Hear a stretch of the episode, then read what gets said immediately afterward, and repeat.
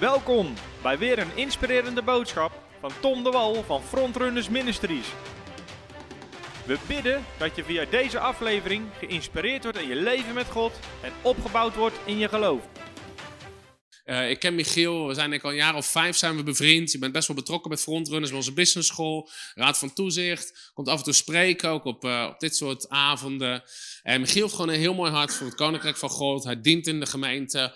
Maar ook de genadeboodschap heeft ook een hele grote rol in jouw leven gespeeld. En uh, voltijd Bijbelschool ook gevolgd, echt in de, ja, gewoon met goed genadeonderwijs, goed geloofsonderwijs. En ik weet, Michiel die is echt persoonlijk ook bezig met dit onderwerp van leven zonder oordeel. Hoe kunnen we ook de genade die we hebben ontvangen, de genade die God heeft naar ons, hoe kunnen we met diezelfde genade naar andere mensen leven? En ik denk dat is altijd een uitdaging en een groeiproces, maar wel zo mooi om ons daarvan bewust te zijn. Dus zullen we Michiel een heel groot applaus geven, terwijl Michiel ons meeneemt in dit onderwerp. Michiel, zet hem lekker op. Dankjewel jongen. Ga ervoor. Yes. Nou, dankjewel voor je mooie woorden, Tom. En uh, dat is eervol om zo geïntroduceerd te worden. Dus goedenavond allemaal. En um, lekker om hier weer te zijn en uh, te kunnen spreken. En um, vanavond gaan we het hebben over genade. En ik zal ook vanavond mijn grootste blunder vertellen. Dat is belangrijk om een beetje een smeuig verhaal ergens tussenin te hebben natuurlijk. Uh, het gaat over een monumentaal pand wat ik aan God reed jaren geleden. Uh, maar daar beginnen we niet. Uh, we gaan het hebben over genade, leven vanuit genade, leven, leven zonder oordeel. Ik moet je zeggen, ik ben zelf, kom ik uit de gereformeerde kerk van oorsprong. Um, kwam tot levend geloof toen ik in de twintig was.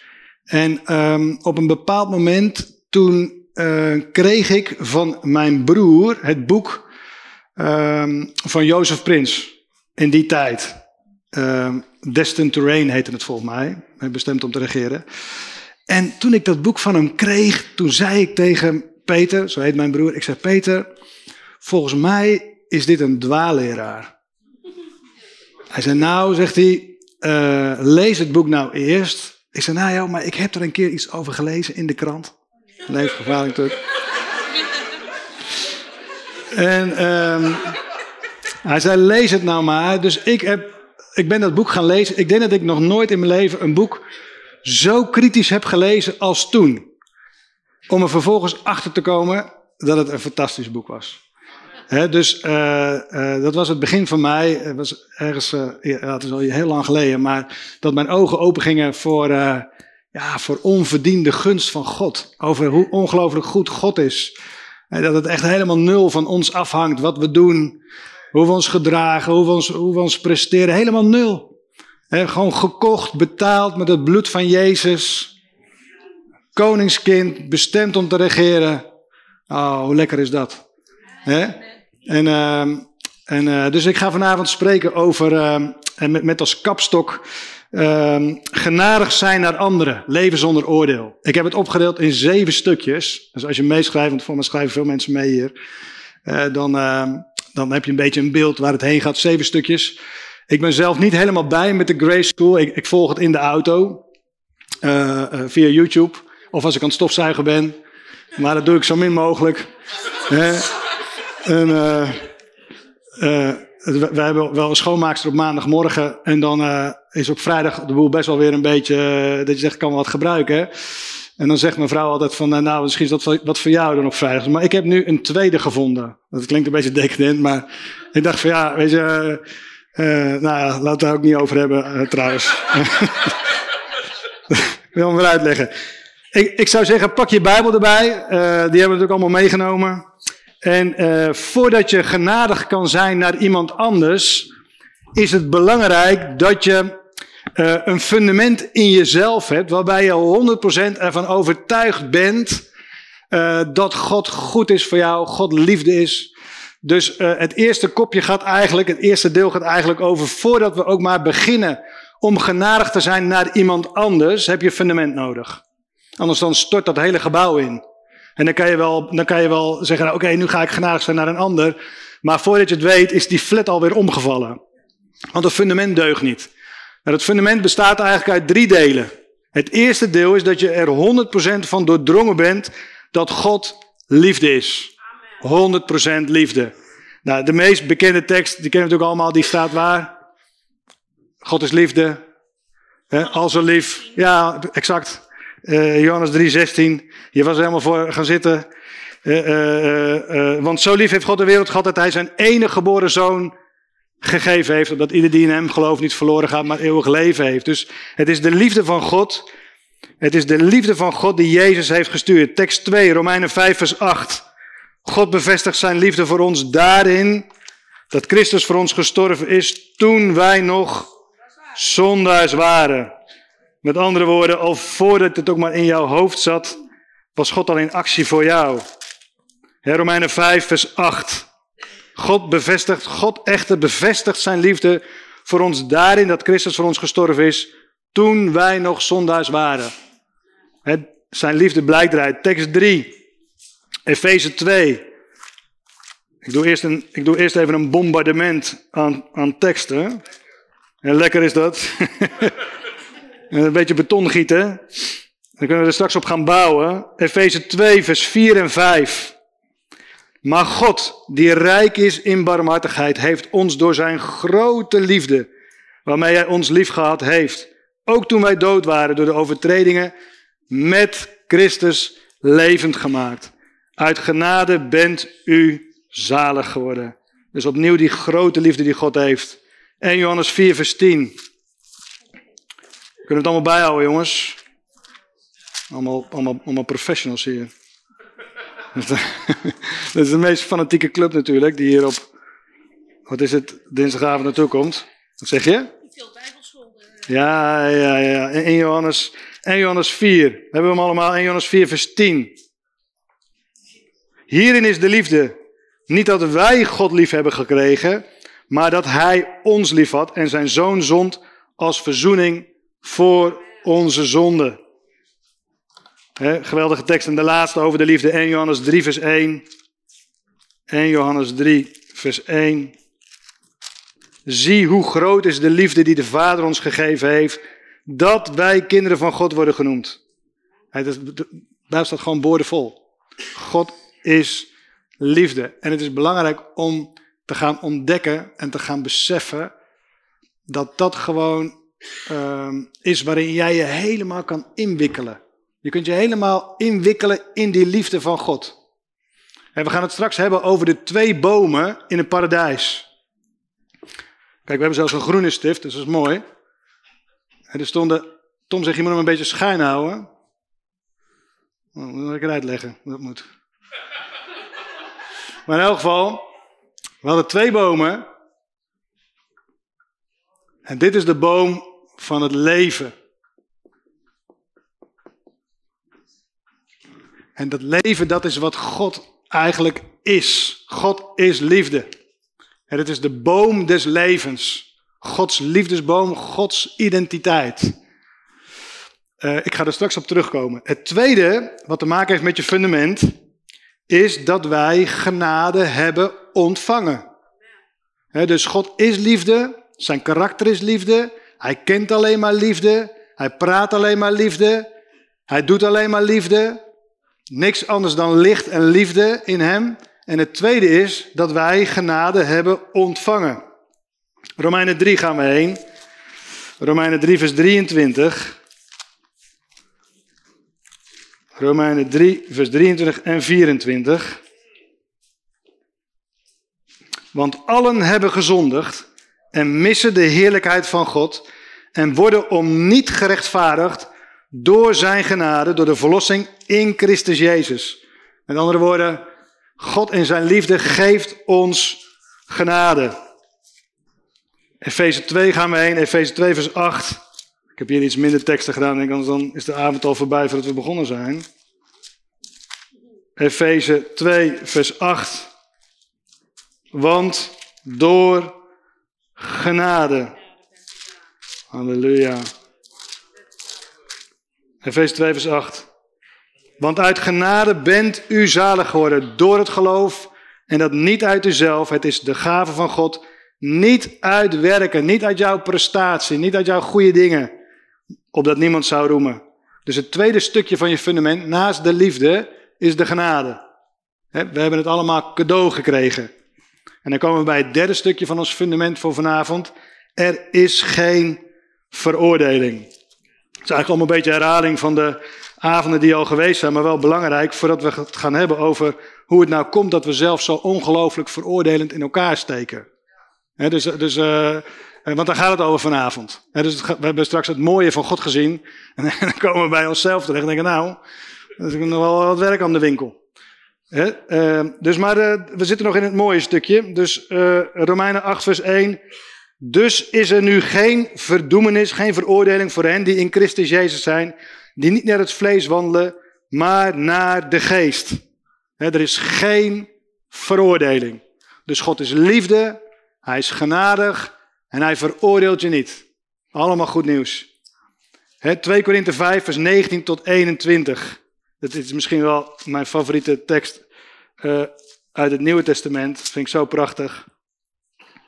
Uh, laten, we hem, laten hem lezen vanaf vers, vers 17. Daarom als iemand in Christus is, is hij een nieuwe schepping. Het oude is voorbij gegaan. Zie, alles is nieuw geworden. En dit alles is het God, die ons met zichzelf, die, die ons met zichzelf verzoend heeft door Jezus Christus en ons de bediening van de verzoening gegeven heeft. En dan komt het, God was het namelijk die in Christus de wereld met zichzelf verzoende en aan hen hun overtredingen niet toerekende. Er is geen oordeel. En hij heeft het woord van de verzoening in ons gelegd. Wij zijn dan gezanten namens Christus, alsof God zelf door ons smeekt. Namens Christus smeken we u, laat u met God verzoenen. Want hem die geen zonde gekend heeft, heeft hij voor ons tot zonde gemaakt. Het oordeel kwam op Jezus, opdat wij zouden worden gerechtigheid van God in hem, zonder oordeel. Geen oordeel meer. En dan de laatste, Jesaja 53, als het gaat over het fundament. De straf kwam op Jezus. Halleluja. Jesaja 53 pakken we er even bij.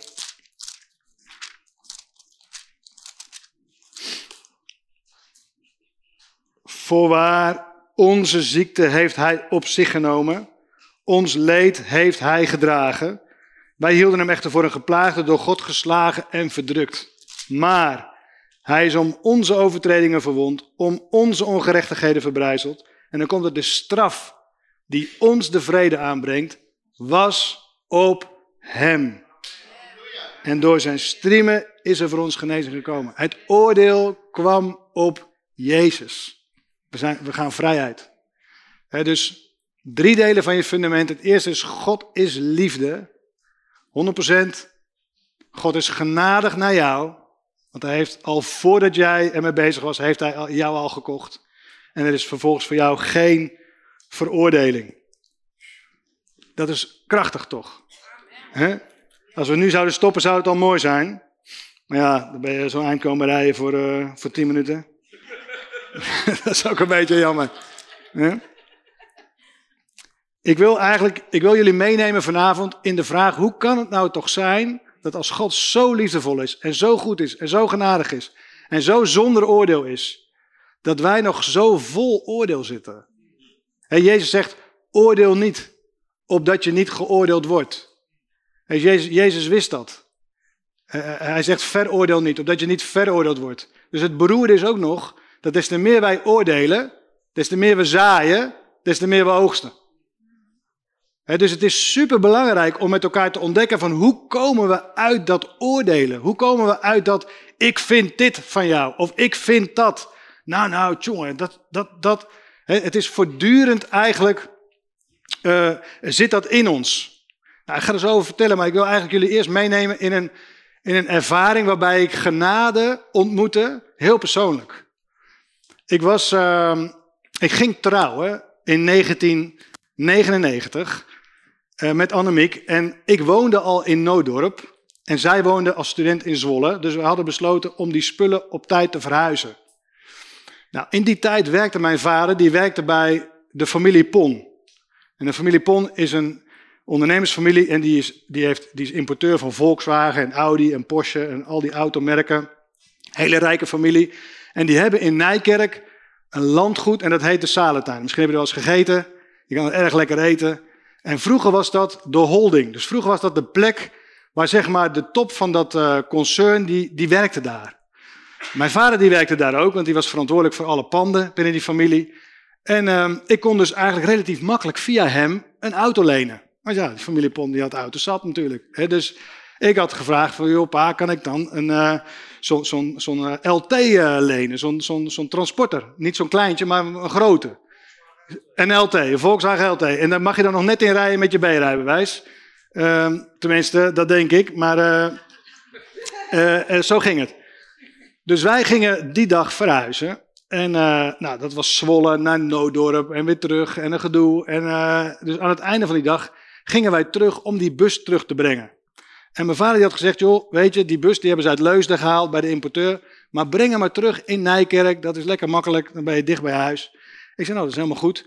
Dus ik kom met die bus terugrijden naar Nijkerk. En op diezelfde dag dat ik aan het verhuizen was, had dat bedrijf, die holding, hadden een personeelsfeestje. En uh, die waren lekker aan het barbecuen buiten. Het was zonovergoten weer. Dus die zaten daar heerlijk op dat grasveld. Het ziet er daar prachtig uit. Het was een soort film was het. Die zaten gewoon lekker te kletsen, een wijntje drinken, te barbecuen. En daar kwam ik aan met mijn bus. Beetje moe. Uh, en uh, uh, dat landgoed heeft daar drie oprijbruggen. En de eerste is voor het kantoor, de tweede is voor het restaurant en de derde is voor de grote parkeerplaats. Dus ik, ik wist, ik moet gewoon die bus parkeren. Maar wat er gebeurde, ik weet het niet. Ik reed niet het eerste bruggetje, maar ik pakte het tweede bruggetje. En um, ik was me ook helemaal niet bewust van hoe groot die, hoe groot die bus was. Daar was ik me niet van bewust. Dus, bewust bus. Dus ik, ik had ook helemaal niet in de gaten dat er hele mooie houten bogen stonden over het oprijpaadje. Met prachtige glazen lampen. Het was, het was werkelijk sprookjesachtig mooi. En Annemiek die, en Annemiek die zegt tegen mij, dat gaat niet goed, zegt ze. Je kan hier niet in. Je kan hier niet, maar ik had een soort blackout. Ik, weet ik was gewoon helemaal niet in die realiteit. Ik zag die mensen allemaal daar barbecuen. Ik, ik zwaaide nog een beetje. En vervolgens, en vervolgens rij ik die bus pontificaal onder het eerste het beste boogje. Waar ik natuurlijk niet onderdoor kon met dat grote ding. Een kanaal. Echt ongelooflijk. Dat heet pontificaal in dat boogje een enorme kanaal. Het was nog voor 9-11, maar anders dan hadden ze gewoon gedacht dat het. Dat het uh, nou, dus er ontstond gelijk een soort van paniek. En, en het was ook gewoon, ja, die mensen waren echt vlakbij aan het barbecuen. Dus er kwam er alleen Aarde en die zegt: Wat ben je aan het doen? En wie ben jij dan? Uh, dus, maar ik was helemaal natuurlijk in shock. Uh, dus wat er gebeurde was. Opeens stond mijn vader daar. Want die was natuurlijk op dat feestje. En uh, die kwam aanlopen en uh, die zegt, oh jongen, dat is ook wat man, loop even mee. Dus die stuurde die man weg. Die zegt, joh, ga jij nou even weg. Ik ga dat wel oplossen. Dus uh, die, die restauranteigenaar die kwam daar al aanlopen, want ja, die was, het was natuurlijk zijn restaurant. Dus die, die zegt, hé, hey, dit is niet goed, hoop schade en zo. Dus mijn vader zegt, kom, we gaan even naar binnen. Liepen daar naar binnen. En dan volgens bij die bar zegt mijn vader tegen die restauranteigenaar, Herman, dit is mijn zoon. We regelen het maandag. Dat is wat hij zei. Nou, is goed, zei Herman. En hij zei, kom, hij zei, rijd die auto even terug naar de parkeerplaats. Maandag verder. Dat was mijn ervaring met genade. De woorden, Herman, dit is mijn zoon. We regelen het maandag. En zo is het ook gegaan. Ik zat nog wel in de piepzak dat weekend denken, oeh, ja, hoe moet dat, weet je wel? Van wie gaat dat betalen? Ik heb er nooit meer wat van gehoord. Het is opgelost. Uh, het, is allemaal, het is allemaal goed gegaan. Hè? Kijk, kijk, als het nu zou gebeuren, zou ik zeggen: ik kan het wel betalen. Maar toen niet. Hè? Toen, toen was ik echt een arme student. Dus, dus dat was mijn, mijn, mijn ervaring met genade in de praktijk. Nou, waarom vertel ik dat? Om een reden dat je moet, je moet soms gewoon ervaren hoe het is om iets te krijgen wat je echt totaal niet verdient. Ook in het natuurlijke. dus uh, uh, het gebeurde een paar jaar geleden dat mijn zoon die zegt, pap mag ik even je auto lenen? Ik zeg, dat is goed, dus die nam mijn BMW mee. En, en vervolgens is hij op pad in Zeewolde en hij rijdt die achterkant tegen een elektriciteitspaaltje aan. Echt gewoon een enorm gat erin, joh. Dus, dus hij kwam terug en hij zegt, ja pa, zegt hij, het is echt gewoon heftig, maar uh, ik heb gewoon die, uh, die, auto, die auto gewoon achteruit. Ja, ik hoorde wel bliepjes, maar er zitten ongelooflijk veel bliepjes op die auto. Uh, af en toe word je helemaal gek van, maar het lukte hem toch om, om hem kapot te krijgen. Dus, dus ik heb uiteindelijk, dus ik zei tegen hem, eerst wat ik eigenlijk tegen hem zei, ik zeg, jongen, het is gewoon maar materie, weet je, het is gewoon maar, het is gewoon maar blik. Dus hij was daardoor geraakt, had ook een ervaring met genade, deelde dat vervolgens op een jeugdmeeting waar hij moest spreken, vertelde dit verhaal, zoals ik dat verhaal vertel over die, over die Salentijn. Deed daarna ook een oproep, uh, ik weet niet meer precies hoe het ging, maar in elk geval, God is genadig. Nee, ik kan er wel iets bij voorstellen. En daarna deed hij ook een oproep en zei, weet je, ben je al gedoopt? Nou, massaal uh, uh, mensen de handen de lucht in. En ik geloof dat er 15 gasten werden er daarna gedoopt. Toen zei ik tegen hem, dat is geweldig, maar niet dat door het voorbeeld kwam. Maar ik vond, gewoon, ik vond het mooi, weet je. Hij had dat verhaal gebruikt en alles bij elkaar, 15 dopelingen. Dus ik besloot om dat ding helemaal niet te maken. Ik denk, dat ga ik voorlopig niet maken. Want elke keer als ik dan naar dat gat kijk, dan weet ik gewoon, halleluja. Weet je wel? God is goed. Genade. En, uh, dus ik heb echt een jaar met de, met gat in die bumper gereden. Maar goed, we gaan verder, want anders dan, uh, dan, dan, halen we het helemaal niet. Hè? Dat was trouwens deel 2. We gaan, we gaan naar, naar, leven zonder oordeel. Twee teksten. Matthäus 7, vers 1. Oordeel niet, opdat u niet geoordeeld wordt. Dus dit is een hele duidelijke oproep van Jezus. Die zegt, joh, het is echt niet goed voor je. Je moet het echt niet doen. Oordeel niet, opdat u niet geoordeeld wordt. Lucas 6, vers 37 zegt eigenlijk hetzelfde. Pakken we er even bij. Oordeel niet en u zult niet geoordeeld worden. Veroordeel niet en u zult niet veroordeeld worden. Laat los en u zult losgelaten worden. Weet je trouwens dat het verschil is tussen oordelen en tussen veroordelen? En want Jezus gebruikt twee woorden. Hij zegt oordeel niet en veroordeel niet. Er zit blijkbaar een verschil in. Ik moest even zoeken. Ik weet niet wie van jullie heeft ChatGTP ontdekt. Dat is mooi hè? Dat gaat heel snel. Dus ik zeg tegen ChatGTP van de week, wat is het verschil tussen oordelen en tussen veroordelen? En begon ik gewoon uit te leggen. Het is gevaarlijk om nu te, te vertellen. Zegt hij, uh, zegt hij, hij is komen spreken, heb de hele, uh, hele ChatGPT voorgelezen. Zo is het ook niet. maar het grappige was, de, je, hij gaf antwoord, hij zei, oordelen, daar zit iets neutraals in. Je oordeelt iets op grond van een norm. Dus een leraar die heeft een repetitie en dan heeft hij een antwoordenblad en dan gaat hij het oordelen, gaat hij het, gaat hij het beoordelen. Heb je het goed gedaan aan de hand van een, van een norm? Dat is in principe objectief. He, maar veroordelen, daar zit iets in van, iets in van een, een overtuiging. Ik vind dat jij er niet mooi uitziet. Ik vind dat jij stinkt. Ik vind dat jij uh, dat niet goed kan. Uh, dat is veroordelen. En Jezus zegt dus, het is allebei niet goed. Het is niet goed om te oordelen en niet goed om te veroordelen. Nou, dat veroordelen, dat kon ik goed volgen. Maar dat oordelen, dat vond ik nog wel een beetje spannend. Ik ga het straks uitleggen aan de hand van de boom van kennis van goed en kwaad. De boom was niet alleen maar kwaad. De boom was ook goed. Het heeft met oordelen te maken. Voordat we dat doen, wil ik jullie meenemen in een, in, een, in een dag of een week in mijn leven vorige week. Om, om, want ik was even op gaan letten hoe vaak ik oordeel. Nou, ik schrok ervan. Dus het is de moeite waard om te doen. Kijk, een medewerker meldde zich ziek. Ja, ik voel me niet helemaal lekker. Een beetje grieperig. En bij mij kwam de gedachte: hoe erg ziek is ziek? Uh, moet je hier wel voor thuis blijven? hoe erg is het eigenlijk? Heb je niet gezopen gisteren? Dat soort gedachten komen in je hoofd. Hè? Zeker op maandag. Hè? Denk wat heb je gedaan gisteravond en zaterdagavond? Hè? En wij je loon doorbetalen. En, uh, nou, dat, dat soort gedachten komen er dan. Je hebt gewoon een oordeel over diegene. Sterker nog, misschien heb je diegene al wel veroordeeld. In mijn geval. Ik was als van, nou, is dat wel nodig? Nou, uh, als je een beetje hoofdpijn kan je wel komen werken. Zet de airco iets hoger. Hè? Vervolgens belt er een klant. Moeilijke klant. Hè? Zit met een collega, we zitten eh, die klant te woord te staan. En, uh, en uh, moeilijk doen en vragen. En hoe zit dit dan? En klopt dat wel? En moeten we het, voor mij hebben jullie niet goed gedaan. En En na 20, 50 minuten telefoongesprek klaar. En dan zeg je, jongen, jongen, wat een muts. Hè? Het is er al uit voordat je het in de gaten hebt. Hè? Dat wil je helemaal niet. Maar je hebt diegene al helemaal veroordeeld.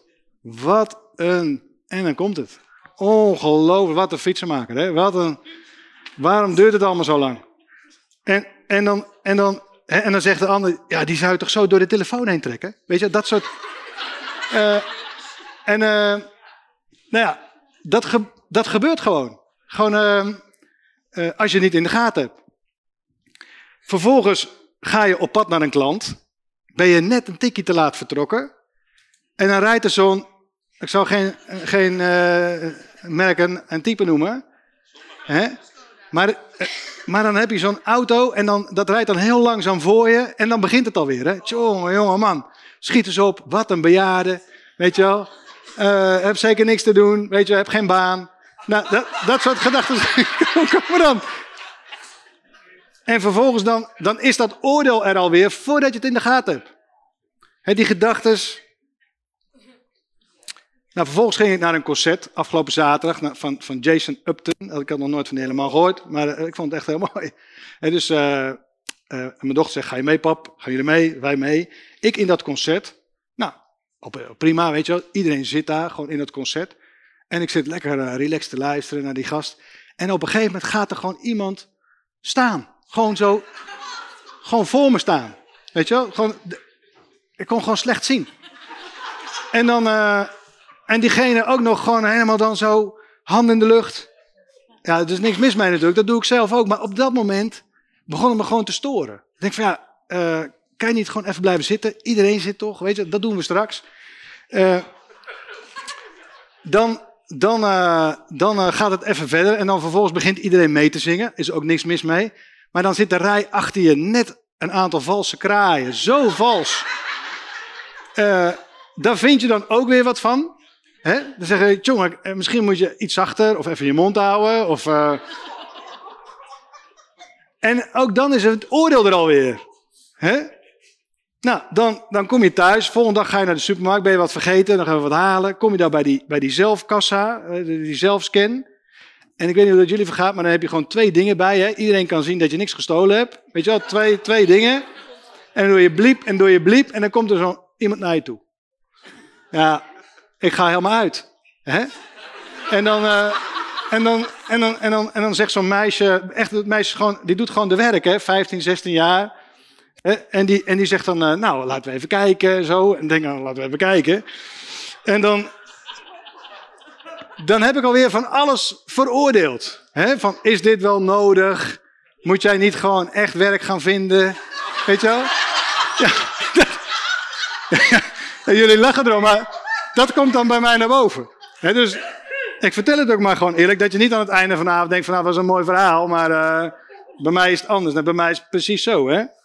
Uh, nou, vervolgens ging ik even een paar dagen weg met Annemiek. Even gewoon quality time, wij naar, een hotel, weet je. En, uh, en dan vervolgens dan is dat hotel... Oh nee, we gingen niet... Nee, dat was een goed hotel waar ik met Annemiek heen ging trouwens. Dat was echt... Stop. Maar daarvoor gingen we op pad.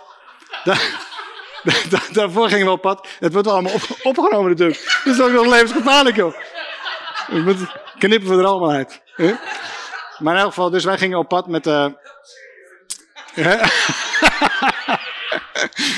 krijg je een andere wending, hè? Zo'n bewustwording. Nee, ja, ook nog live. Nee, maar in elk geval, dus wij op pad met, met, met een team uh, naar een hotel. Uh, met de kerk. En, uh, en dat hotel was een beetje gedateerd. Het was gewoon, het was echt keurig schoon, maar gewoon een beetje gedateerd. En dan ben je toch in zo'n hotel, tenminste, ik heb dat dan. En dan en denk ik, hmm, weet je, en dan kom je in zo'n, in zo'n kamer en dat bed is dan net even te hard. En dan, en dan, en dan denk ik, ja, weet je, het klopt gewoon niet. En dan heb je daar ook weer allerlei oordelen over. Hè? Dan zeg je, dan zeg je wat, een, wat een oude bende hier, denk je dan. Hè? En, dat, en dan, uh, ja, ja, dan denk ik, ja, er is ook geen begin aan, weet je. Dan moet je het hele ding afbreken en opnieuw opbouwen. Maar uh, nou, de vraag is dus van, uh, misschien herken je het, misschien helemaal niet. Denk je, nou, uh, ik had wel een, een, beeld, een, beeld, van die gast, maar het is helemaal over nu. Hè, maar maar ik denk dus dat het in ons allemaal zit, dat we dit dus allemaal voortdurend doen. En het is interessant om te kijken, waar komt dat nou vandaan? En dat is eigenlijk de hamvraag voor vanavond. Waar komt dat vandaan? En hoe komen we er vanaf? Dus dat zijn eigenlijk twee belangrijke vragen. Dus hou die vast. Nou, de eerste vraag is dus, waar komt het vandaan? Ik neem jullie mee naar Genesis 2. En misschien ga je nu iets horen wat je nog nooit hebt gehoord. Om de spanning maar even te verhogen. Genesis 2, vers 9. Come on. Ja, ja, ja, dat is bij jou erg, hè? Maak nieuwsgierig, hè? Een slokje water. Genesis 2, vers 9.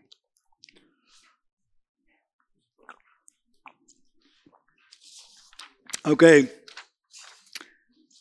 En de Heere, even kijken. En de Heere God liet allerlei bomen uit de aardbodem opkomen, begerenswaardig om te zien en goed om van te eten.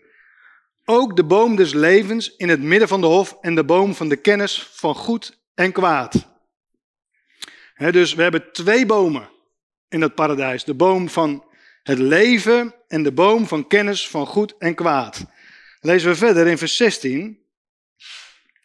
En de Heere God gebood de mens, van alle bomen van de hof mag u vrij eten, maar van de boom van de kennis van goed en kwaad, daarvan mag u niet eten, want op de dag dat u daarvan eet, zult u zeker sterven.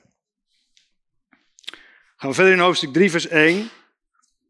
De slang nu was de listigste onder alle dieren van het veld die de Heere God gemaakt had. En hij zei tegen de vrouw, is het echt zo dat God gezegd heeft, u mag niet eten van alle bomen in de hof? En de vrouw zei tegen de slang, van de vrucht van de bomen in de hof mogen we eten, maar van de vrucht van de boom die in het midden van de hof staat, heeft God gezegd, u mag daarvan niet eten en hem niet aanraken, anders sterft u.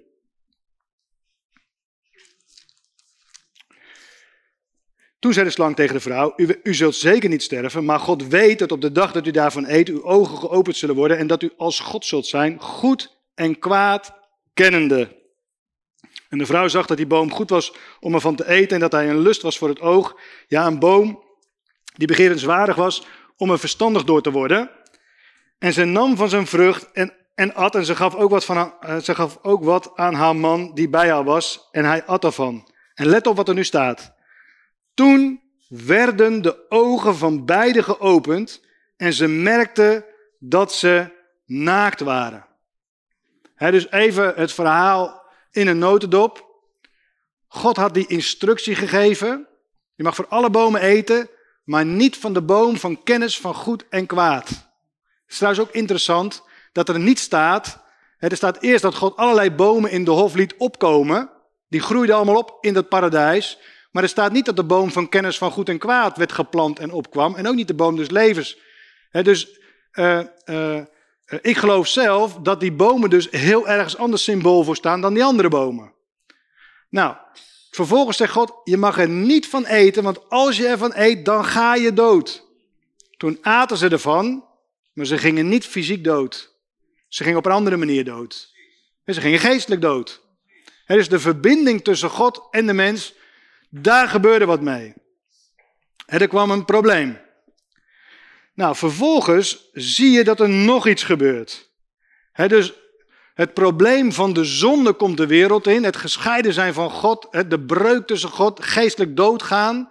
Dat zien we heel duidelijk gebeuren. Daarom zegt Jezus tegen Nicodemus: Je moet opnieuw geboren worden. Waarom? Ja, je was geestelijk dood.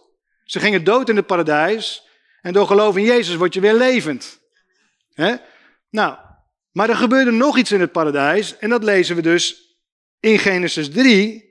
En dan staat er, waar staat het ook alweer? Toen werden de ogen van beiden geopend en ze merkten dat ze naakt waren. Nou, het is dus interessant om te kijken van over welke bomen hebben we het? Nou, we hebben het over de boom des levens en we hebben het over de boom van kennis van goed en van kwaad. Nou, het eerste belangrijke is om te zien, het gaat niet alleen maar over kwaad. Het gaat over goed en over kwaad. Wat er eigenlijk gebeurt, is dat toen Adam en Eva gingen eten van de boom van kennis van goed en kwaad, hè, ze waren eigenlijk gewend om te eten van de boom des levens, want ze hadden namelijk verbinding met God, ze hadden gewoon relatie met God. En God had gezegd, één ding moet je niet doen, je moet niet van die boom gaan eten. Want er gebeuren twee dingen. Je gaat geestelijk dood. En het tweede wat gebeurd is, hun ogen gingen open. Maar ook daarvoor geldt, hun fysieke ogen waren al open. Net als dat ze levend waren in het natuurlijke, ze vielen niet dood neer. Maar hun ogen waren ook al open. Dus welke ogen gingen er dan open? Hele andere ogen gingen er open. Welke ogen gingen er open? Nou, de ogen die eigenlijk kunnen oordelen, de ogen die kunnen wegen, die gingen open. van Satan wordt gezegd dat het de aanklager is van de broeders. Wat doet Satan? Jij hebt het niet goed gedaan. Jij bent niet oké. Als je dit hebt gedaan, nou, dan moet je niet verwachten dat dat. He, Satan is altijd aan het oordelen, aan het wegen. Jij hebt het niet goed gedaan. Jij, bent, jij voldoet niet. Jij kwalificeert niet. Dat is de boom van kennis van goed en kwaad. En de ogen van de mens gaan open op het moment dat ze ervan eten. Dat is een probleem. Dus tot die tijd hadden ze geen probleem met oordeel. Ze hadden geen probleem met het gevoel: ben ik wel oké? Doe ik het wel goed genoeg? Maar ze hebben nog niet gegeten van die vrucht, of het eerste wat er gebeurd is, en ze merkten dat ze naakt waren. Ze wisten gelijk, er is iets mis met mij. Maar daarvoor liepen ze ook naakt rond. Dus met andere woorden, ze aten van die boom en in één keer waren ze zich bewust, er is iets niet oké met mij. Oordeel, wegen. Als je het hebt over oordelen, veroordelen, heeft altijd te maken met een basis in jou van, ben ik zelf wel oké? die ander die kan dit heel goed. Ben ik wel oké? Moet ik dat ook niet kunnen? Oh, hij is daar wel heel goed in. Uh, ik ben daar minder in. Waar ben ik dan? Waar sta ik dan? Dat is voortdurend en we doen het de hele dag. Voortdurend. Wegen, wegen, oordelen, oordelen. Uh, uh, als je erop gaat letten, dan pas merk je hoe doordrongen je bent van dat systeem. En hoe komt dat? Omdat het gewoon eigenlijk in onze ziel zit. dus een ander, dat is hier natuurlijk ook al honderd keer uitgelegd, maar ik ga het nog maar een keer 101 doen. Zo heet trouwens ook mijn boek. Dat is een leuk bruggetje.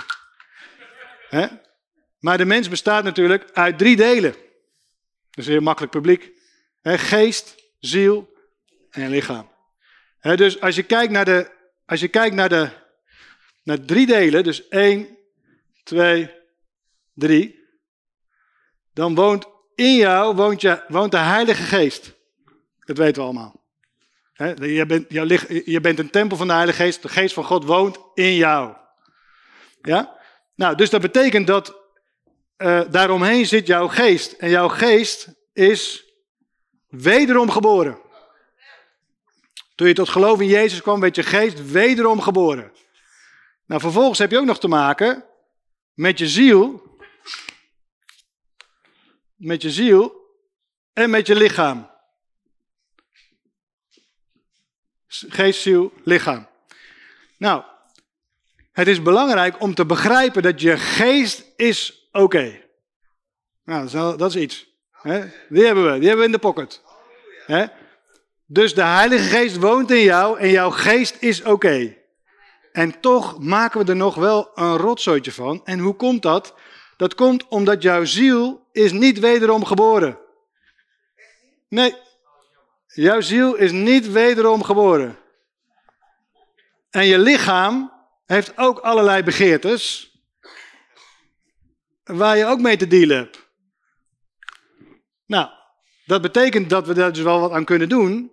Want de Bijbel zegt, het is belangrijk dat je je denken vernieuwt. En dus om het plaatje compleet te maken, je ziel is je wil, je verstand en je emotie. het is natuurlijk niet te lezen, maar maakt niet uit. Um, dus dus daarom zegt Paulus ook van het is belangrijk dat je je lichamen presenteert als een levend en heilig en God welgevallig offer. Je moet je wil ondergeschikt maken aan Gods wil. Het is belangrijk om vervolgens je verstand, je denken te vernieuwen door het woord van God. Daar gaan we nu ook niet over hebben vanavond, maar het is wel belangrijk. En vervolgens kun je wel aan de slag met je ziel. Maar als je de vraag stelt, hoe komt het toch dat wij zo vol zitten met oordeel? Dat komt gewoon door je ziel. Hè? En het, dat is gewoon wat het is. Ehm, ik, ik geef al jaren leiding aan de gemeente met twee andere echtparen. Toen wij terugkwamen in het leiderschap van de kerk, vier vijf jaar geleden. Ik was van plan om een nieuw bedrijf te starten, dat beviel me goed. Dus ik zeg, heer, ik wil graag een nieuw bedrijf, iets groter nog. Uh, hè, gewoon lekker, uh, ja, next level. En, uh, en uh, dat, dat was ik voor aan het bidden, want ik, ik, dacht, als de Heilige Geest hoor welk, welk, welke business, dan gaan we los. Dus, ehm, en toen hoorde ik de Heilige Geest zeggen, ik wil je terug hebben in de leiding van de kerk. maar dat, ik dacht, dat is helemaal niet, dat is niet mijn plan. Ik dacht, ik dacht, we gaan een BV oprichten. Eh, nou ja, wat er gebeurde was, ik kwam uh, terug in de leiding van de kerk met Annemiek samen. En toen zei ik tegen Annemiek van een van de dingen die we moeten doen, als we terugkomen in de leiding van de kerk, is, we moeten aan de slag met onze ziel. Want één ding weet ik zeker, dat ik ongelooflijk ga triggeren op mensen die dan dit vinden van mij, dat vinden van mij, of daar uh, moeilijk over doen. Ik zal het heel voorzichtig proberen te vertellen. Hè? Maar het is natuurlijk, het is nog een dingetje. Dus ik besloot om uh, ook gewoon uh, daarmee aan de slag te gaan. En uh, ging, ging naar een aantal weekenden toe van Groundwork, dat is een goede club. Ik, ging naar een, ik, ik zocht een coach. Ik ging uiteindelijk naar een soort zeven dagen met een, een van de betere psychologen in Nederland. Ging één op één gesprekken doen. En ik heb ongelooflijk veel geleerd in die vier jaar. En wat ik vooral leerde was hoe die ziel gewoon beschadigd is, verwond is en hoe die gewoon tekeer kan gaan. Dus dus uh, en dat zien we gewoon, uh, dat heeft iedereen. Als je tegen iemand zegt die verwond is, zegt, jongen, dat heb jij niet goed gedaan. En dat gaat helemaal uit zijn plaat. Dan, dan heeft het gewoon te maken met een zielsthema. Um, dus met andere woorden, waarom vertel ik dit? Omdat je ziel, hoe graag je het ook zou willen, is corrupt. Is gewoon verwond, is gewoon beschadigd, is gewoon daar hebben we gewoon werk aan de winkel en dat blijft je hele leven lang. Het goede nieuws is alleen dat er wel, we, kunnen, we komen aan het eind er ook op, wat we daaraan kunnen doen. Maar we hebben er wel mee te maken. He? Nou, dus het oordelen, het wegen, de kennis van goed en kwaad, dat zit in ons. En wat wij het liefste doen, is eten van die boom. Uh, en hoe merk je dat? Ja, uh, uh, kijk maar, waar vind jij wel niet wat van? Hè? Als ik hier sta te spreken, ik weet zeker dat iedereen wel een bepaalde gedachte heeft gehad. Ik vind dit of ik vind dat. Of uh, wat draait hij zijn flesje raar open? Of uh, wat uh, schrijft hij gek op dat bord? Of die heeft zeker niet leren schrijven op school. Of, het kan van alles zijn. Gedachten die gewoon bij je naar boven komen, je hoeft niks voor te doen. Dat zit gewoon in ons geprogrammeerd. Dus we vinden van alles, de hele dag. Nou, ik ga terug naar mijn aantekening, anders dan, dan dwalen we helemaal af. Maar um,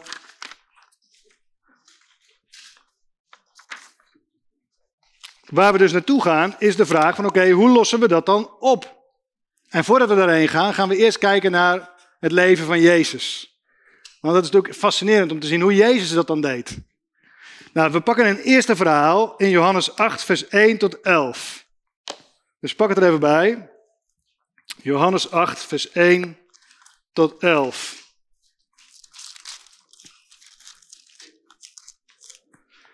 En het verhaal gaat over de overspelige vrouw.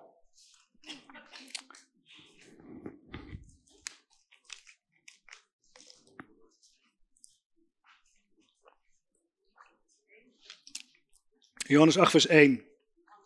Johannes, ja.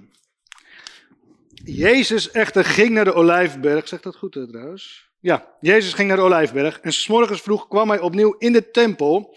En al het volk kwam naar hem toe en hij ging zitten en onderwees hen. En de schriftgeleerden en de fariseeën brachten een vrouw bij hem die op overspel betrapt was. En toen ze haar in het midden hadden doen staan, zeiden ze tegen hem, meester, deze vrouw is op hete daad betrapt bij het plegen van overspel. In de wet nu heeft Mozes ons geboden zulke vrouwen te stenigen. U dan, wat zegt u? dus ze vragen Jezus om een oordeel. Jezus, dat kan toch niet? Eens dat we de stenigen? En dit zeiden zij om hem te verzoeken, opdat ze iets hadden om hem aan te klagen. Maar Jezus bukte en schreef met de vinger in de aarde. En toen ze hem dit bleven vragen, richtte hij zich op en zei tegen hen: Wie van u zonder zonde is, laat die als eerste de steen op haar werpen. En opnieuw bukte hij en schreef in de aarde. Maar toen zij dit hoorden en in hun geweten overtuigd waren, gingen ze weg, de een naar de ander, te beginnen bij de oudste tot de laatste. En Jezus werd alleen achtergelaten en de vrouw die in het midden stond. Jezus nu richtte zich op en toen hij niemand zag dan de vrouw, zei hij tegen haar, vrouw, waar zijn die aanklagers van u? Heeft niemand u veroordeeld? En ze zei, niemand, Heer. En Jezus zei tegen haar, dan veroordeel ik u ook niet. Ga heen en zondig niet meer. En dus Jezus was helemaal doordrongen van een heel andere manier van denken. Die vrouw die, die had gezondigd, maar hij laat zich gewoon niet verleiden om er wat van te vinden. En, en, en, uh, en als je daarover nadenkt, moet je je voorstellen dat je zit in de kerk ergens. En vervolgens is er iemand en die gaat mis. dus dus die, die, die, die duikt het bed in met zijn secretaresse. En vervolgens in de kerk. en, dan, en dan? Dan vinden we daar van alles van. voor het weet is daar het oordeel. Uh, uh, mag diegene van alles niet meer? Als je kijkt naar Jezus, dan zie je dat Jezus is met een heel ander thema bezig. Jezus is eigenlijk met het thema liefde bezig. Hij is eigenlijk bezig met van, maar, maar als die vrouw liefde ontmoet, als die vrouw genade ontmoet, dan, dan komt het andere daarna. Met andere woorden, als wij gaan leren om te eten van de boom des levens, waar we mee begonnen, met dat fundament, God is liefde, God is genade, er is geen oordeel. Als we daarvan eten, dan worden we voller en voller en voller en voller. En dan zijn we helemaal niet meer bezig met het eten van die andere boom. Want het eten van die andere boom is eigenlijk alleen maar wegen, kijken, vergelijken. Wat vind ik daarvan? Daar moeten we, mee stoppen. Hè? Dus je, je, je, je, je loopt door de binnenstad in Amsterdam en je ziet iemand lopen. En er is iets met diegene. Misschien is hij 200 kilo, of misschien uh, uh, is hij helemaal in regenboogkleding, of misschien weet ik veel. Hè? Het kan van alles zijn. En vervolgens kijk je daarnaar en dan begint het al. Hmm. Hmm. Op het moment dat je jezelf traint om te zeggen van, dank u vader voor uw liefde in mij uitgestort. Halleluja, ik zegen deze man. Ik wens hem het beste toe. Ik bid, vader, overstromen met uw goedheid en gedaan. Dan in één keer is er geen ruimte meer voor oordeel. Want je bent bezig met, je bent bezig met het uitgieten van liefde. dus je hebt voortdurend de keus van welke boom ben je aan het eten. En op het moment dat je jezelf betrapt dat je aan het eten bent van die, van, van die boom van kennis, bij het stoplicht, achter de bejaarden, op dat moment zeg je, ik zegen deze bestuurder. Ik, ik zegen dat zijn auto het lang zal doen. Ik, kan natuurlijk van alles over uitspreken. Ja. En in één keer dan zul je merken, dan is er ook geen ruimte meer voor dat andere. Het is een keuze die je maakt. We gaan een tweede voorbeeld. Lucas 7, vers 36. Dat is ook een prachtig verhaal waarin we Jezus in actie zien. Lucas 7, vers 36 tot 50. Lucas 7, vers 36 tot 50. De zalving bij Simon de Fariseer. Heb je het allemaal gevonden?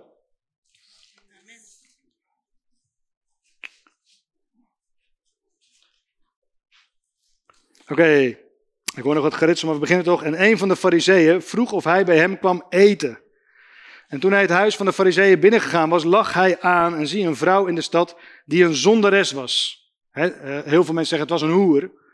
Wat ook, wat ook aannemelijk is, omdat spreuken spreekt ook over de gereedschappen van een hoer als kussens, ja, als kussen, tranen, haren. maar het staat hier niet, maar het was waarschijnlijk een hoer. Die kwam te weten dat hij in het huis van de fariseer aanlag en ze bracht een albasten fles met zalf mee.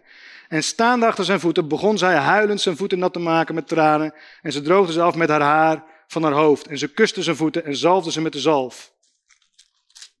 Toen de fariseeën die hem uitgenodigd had dat zag, zei hij bij zichzelf, hè, dus dat dacht hij bij zichzelf, deze man zou, als hij een profeet was, wel weten wie en wat voor vrouw het is die hem aanraakt, want ze is een zonderes.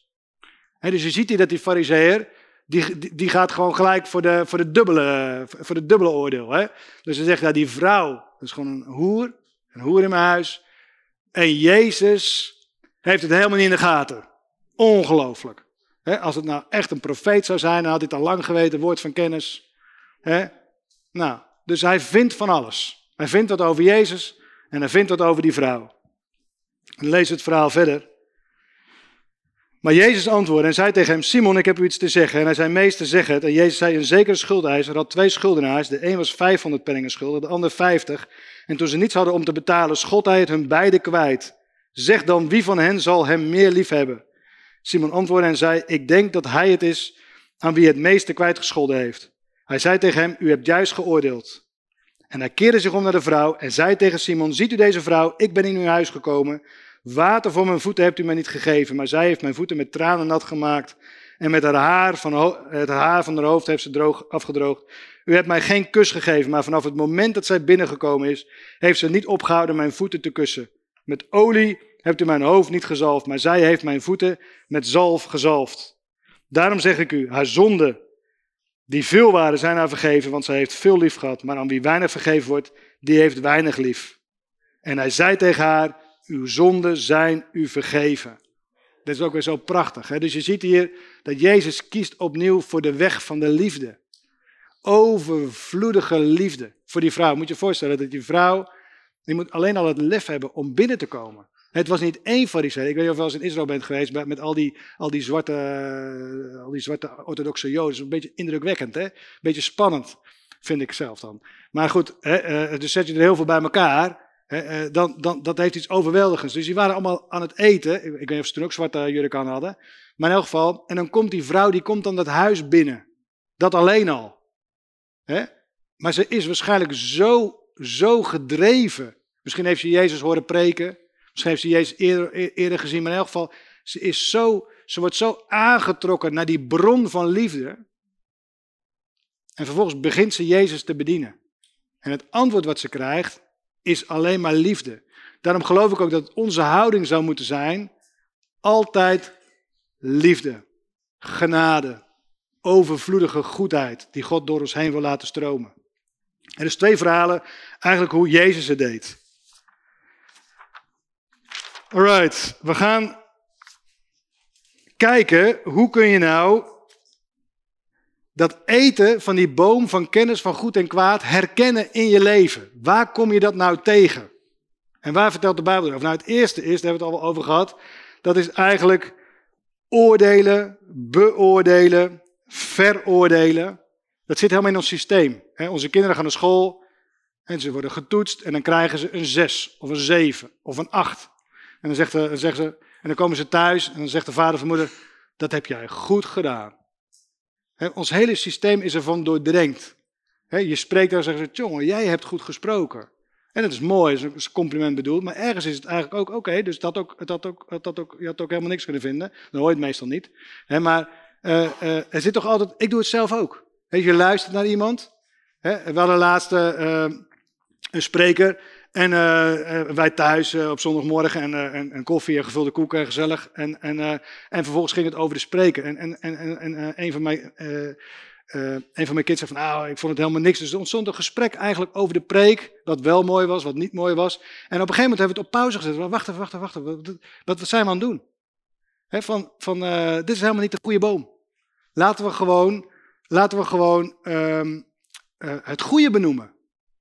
Wat heb ik ervan genoten? Wat fijn dat hij gekomen is. Hij is helemaal, enzovoort, enzovoort. Het is, het is de mindset die we kiezen. Prestatiegerichtheid, perfectionisme, komt voort uit het eten van de verkeerde boom. Ik was vroeger heel erg perfectionistisch. Ik wilde het goed doen, heel erg goed doen. Maar het was eigenlijk voortdurend eten van de verkeerde boom, omdat ik voortdurend aan het afwegen was. Doe ik het wel goed? Heb ik het wel goed gedaan? Kan ik waardering krijgen? Dat gaat allemaal veel dieper, eh, dat heeft allemaal redenen. Maar in elk geval, het heeft ermee te maken, ik zat allemaal aan die boom. En dan word je perfectionistisch van, dan wil je dingen goed doen. Toen ik 30 of 29 was, was ik directeur van een groot dealerbedrijf, maar vanuit een verkeerde wortel. Alleen maar presteren, presteren. Ik wil laten zien dat ik het kan. Ik wil eigenlijk horen van, jongen, dat heb je goed gedaan. eten van de verkeerde boom. Het perfectionisme, prestatiegerichtheid, maar ook faalangst en onzekerheid. Als je onzeker bent, ben je voortdurend bezig. Wie ben ik? Doe ik het wel goed? Uh, uh, word ik geaccepteerd? Hoe kijken ze naar me? Wat vinden ze van me? Je bent eigenlijk alleen maar aan het eten van die boom. De remedie is dat je op dat moment gaat kijken van, hé, hey, laat ik eens even een paar meter naar links gaan en van die andere boom gaan eten. Vader, wat zegt u over mij? Oh, Heer. En, en, en, dan zegt de Heer, ik ben trots op je. Ik hou van je. We doen het samen. Ik ben bij je. Samen springen we over deze muur. Maak je niet druk. Als ik voor je ben, wie zal tegen je zijn? En in één keer begint God te bedienen. Uit die bron van liefde, uit die, uit die boom van het leven. En in één keer voel je dat bij je binnen en dan verdwijnt die onzekerheid. Een tweede plek waar we zien waar die boom in actie komt, lezen we in Jacobus 2, vers 1 tot 9. En dat gaat over het hebben van aanzien des persoons. Een hele verleidelijke. Jacobus 2, vers 1 tot 9.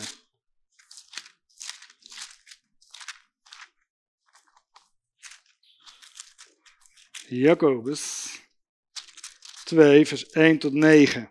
Mijn broeders, heb het geloof in onze Heer Jezus Christus, de Heer der Heerlijkheid, zonder aanzien des persoons. Want als u in uw samenkomst een man zou binnenkomen met een gouden ring aan zijn vinger, in sierlijke kleding, en er kwam ook een arme man in haveloze kleding, en u zou hoog opzien tegen hem die de sierlijke kleding draagt, en tegen hem zeggen, gaat u hier maar zitten op een mooie plaats, en u zou tegen de arme zeggen, gaat u daar maar staan, of ga hier zitten bij mijn voetbankje. Hebt u dan niet onder elkaar een onderscheid gemaakt, en bent u zo geen rechter geworden met verkeerde overwegingen? Ben je niet gaan oordelen? Luister, mijn geliefde broeders, heeft God de armen van deze wereld niet uitverkoren om rijk te zijn in geloof en erfgenamen te zijn van het koninkrijk dat hij beloofd heeft aan hen die hem liefhebben. En zo gaat het nog even verder. Oh, dan gaat het verder, ja. Laat verder lezen, mooi. U hebt daarentegen de armen schandelijk behandeld. Zijn het niet de rijken die u overweldigen? Slepen juist zij, zij u niet naar de rechtbank? Lasteren zij niet de goede naam die over u is aangeroepen? Als u echter en dat is zo prachtig. Als u echter de koninklijke wet volbrengt, volgens de schrift, u zult uw naaste liefhebben als uzelf. Met andere woorden, je ziet die man lopen bij de Amsterdam Arena. En dan? Heb je hem dan lief zoals je jezelf lief hebt? Of vind je er wat van? Beoordeel je diegene. De koninklijke wet moeten we volgen. Maar als u met aanzien des persoons handelt, begaat u een zonde en wordt u door de wet ontmaskerd als overtreders. Ik heb, hier, ik, heb hier, ik heb hier een heel mooi voorbeeld van. Een kompion van mij, die heeft een neef. En die neef is een heel succesvol ondernemer. En die houdt niet van uh, nette kleren. Dus hij is mega succesvol, verdient helemaal zijn schat helemaal blind. Uh, dat is geen uitspraak, schat helemaal rijk. Kleuren blind verdienen. Maar in elk geval... dus, maar wat gebeurde er? Hij loopt, hij loopt altijd een beetje, ook, nou, niet, niet, niet bij dat je denkt, jongen, jongen. Uh, wat een succesvolle ondernemer. En hij ging shoppen voor een Porsche. Want hij wilde graag een Porsche kopen. Dus hij komt in de showroom en uh, uh, wordt volledig verkeerd ingeschat door die verkoper. He, die zegt, ja meneer, uh, ze komen hier wel vaker voor een proefritje. En ja, en we kunnen natuurlijk niet iedereen in die auto's laten rijden. Dat ging, helemaal, ging gewoon helemaal mis.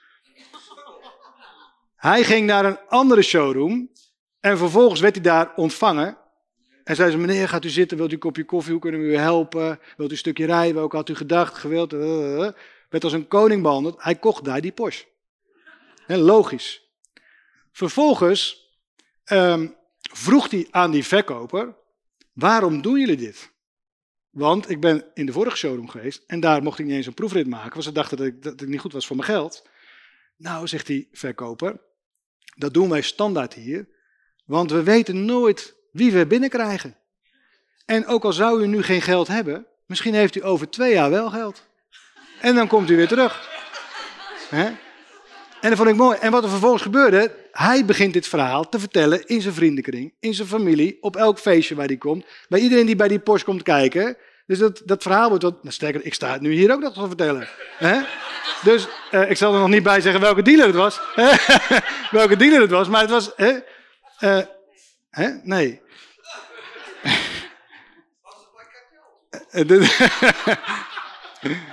een ander voorbeeld. Een ander voorbeeld. Ik was, ik was op een bepaald moment op training in Leusden bij het bedrijf AFAS. Dus want wij waren met ons bedrijf overgegaan op AFAS software. En als je daar komt voor training, dan word je ook gewoon echt gewoon helemaal in de watten gelegd. En koffie en gebak en koek en alles erop en eraan. Maar wat er gebeurt is, er zitten dan pauzes in zo'n programma. En dan gaan, die, dan gaan die mensen, waaronder ik zelf ook, die gaan dan praten wat ze er allemaal wel niet van vinden. Hè, jongen, wat vond jij ervan? Nou, ik vind het wel lang duur hoor. Uh, maar wat er gebeurt is, die, die dames die daar dan bedienen in, in die ruimte. Een van die dames, wat ik later begreep, was de, was de, de echtgenote van de eigenaar. Die liep daar gewoon uh, koffie rond om aan te geven dat je kunt wel. het is belangrijk, laat ik zo zeggen, het is belangrijk om iedereen gelijk te behandelen. Niemand met aanzien is persoons. Maar wat we doen is, je komt binnen, ik zelf ook, hè, bij, een, klant. En dan schat je gelijk in. Je scant. Oh, die dame bij de baan. Oh, wat zou die zijn? Oh, secretaresse waarschijnlijk. Oké, nou. Maar, en vervolgens, voordat je het weet, doe je wel vriendelijk tegen, tegen de, de, de, de, de, de, de eigenaar of de bestuurder die je wil hebben, waar, waar je wat van moet of waar je business mee wil doen. En, en, en nemen die anderen minder serieus. Of, of heb je jarenlang te maken met, met een secretaresse die dan in één keer wordt gepromoveerd tot, tot, tot, uh, tot directeur, uh, directeur in dat bedrijf. Maar wat, wat, wat, wat de Bijbel hier eigenlijk zegt, van, het is belangrijk om geen aanzien des persoons te hebben. Want daar zit namelijk oordelen in. En dat kan je echt heel goed afleren. Je kan heel goed afleren door iedereen op eenzelfde manier te behandelen.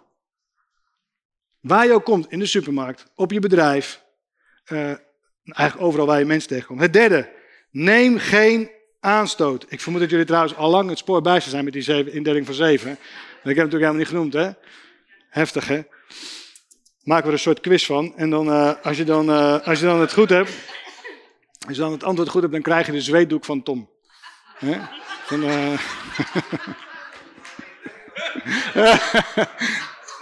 Ongelooflijk. Maar in ieder geval, dat kunnen we regelen toch, Tom? Ja? Heb je nog een shirtje onderaan? Of, uh... nee, grapje. Maar we gaan. Um, neem geen aanstoot. Dit is de derde. Romeinen 14, vers 13. Romeinen 14, vers 13. Laten wij dan niet langer elkaar oordelen, maar oordeel liever dit, de broeder geen aanstoot of oorzaak tot struikelen te geven. Nou, wat is nou aanstoot geven? Aanstoot geven, dat is, het staat hier in de context dat sommigen aten wel vlees, sommigen aten geen vlees. Sommigen hielden wel alle dagen, en anderen of, hielden wel een speciale dag, en anderen niet. En daar zaten ze vervolgens een beetje lacherig over te doen. Ah, ongelooflijk joh, uh, moet je Pietje kijken joh, die, die eet alleen maar vegetarisch joh, die, die wil helemaal dat vlees niet meer. En, uh, Hè? Dus dat werd, dat, dat, ze namen daar aanstoot aan. En dan kan je zeggen, nou dat was van toen. Maar ik zou je zeggen, dat is vandaag de dag nog net zo actueel. Aanstoot nemen. Aanstoot nemen is betekent dat je twee dingen tegenover elkaar zet. Die zeggen, ja, weet je, die, die griffemeerde rakkers, ja, weet je, die hebben de Heilige Geest niet, joh. Die hebben er helemaal niks van begrepen. En voor je het weet, neem je aanstoot aan wat daar gebeurt. En vervolgens, vervolgens, dan, dan neem je aanstoot aan. Uh, op een gegeven moment kwam Benny Hinn naar Nederland. Ik weet nog dat hij, zo jaren geleden, kwam hij naar Ahoy. En ik dacht, ik ga naar Benny Hinn. Ik denk, dat wil ik meemaken. En op een bepaald moment ging ik YouTube-filmpjes kijken, want ik ken hem niet zo goed. En zag ik hem zo aaien met dat witte jasje. En ik kijk, ik denk, wat is dit dan, joh? Wat een, uh, wat een gekke kerel, joh. En dan zag je hele rijen zo leeg. En ik, en ik, en ik zag mezelf al in die, in, in, die massa staan en dan zo. Ik denk, ik moet daar niet heen, joh. Weet je, dat is gewoon foute boel. Foute kerel. Dus ik nam aanstoot aan hem en ging niet. En is me heel vaak overkomen. Dan zei iemand van, je moet eens naar die kijken. Zei ze, je moet eens naar Kenneth Copeland kijken. Dat is een goede leraar. Ik YouTube, kijken, Kenneth Copeland. Die heeft hele aparte ogen. Van die hele priemende ogen. Ik schrok me de eerste keer helemaal het Lazarus. Dus ik denk, ik, ik, uh, ik zal niet zeggen dat ik sommige filmpjes snap van mensen die er wat over maken. Maar die ogen zijn wel intens. Ik ben later, dus ik, ik nam er afscheid van. Ik denk, ga ik, niet, ik nam aanstoot aan. Ik denk, oeh, wat een engert, weet je wel. Wat, oeh, Nou, en vervolgens dan kom je er na een jaar of twee jaar achter van, dat is al goed onderwijs. Ik ben nu echt een van zijn grootste fans. Ik kijk heel veel van hem. Ik vind het fantastisch. Dus aanstoot nemen is heel dichtbij. He, uh, we nemen in, de, in, de, in de christelijke wereld nemen we aanstoot aan van alles. Dan heb je een aanbiddingsleider en die staat dan uh, met zijn handen een beetje. Uh, en dan vinden we dan weer van alles van. Of, of, ja, zo gaat dat. En dan zit je te kijken en dan, en dan de gebaartjes en de dingetjes.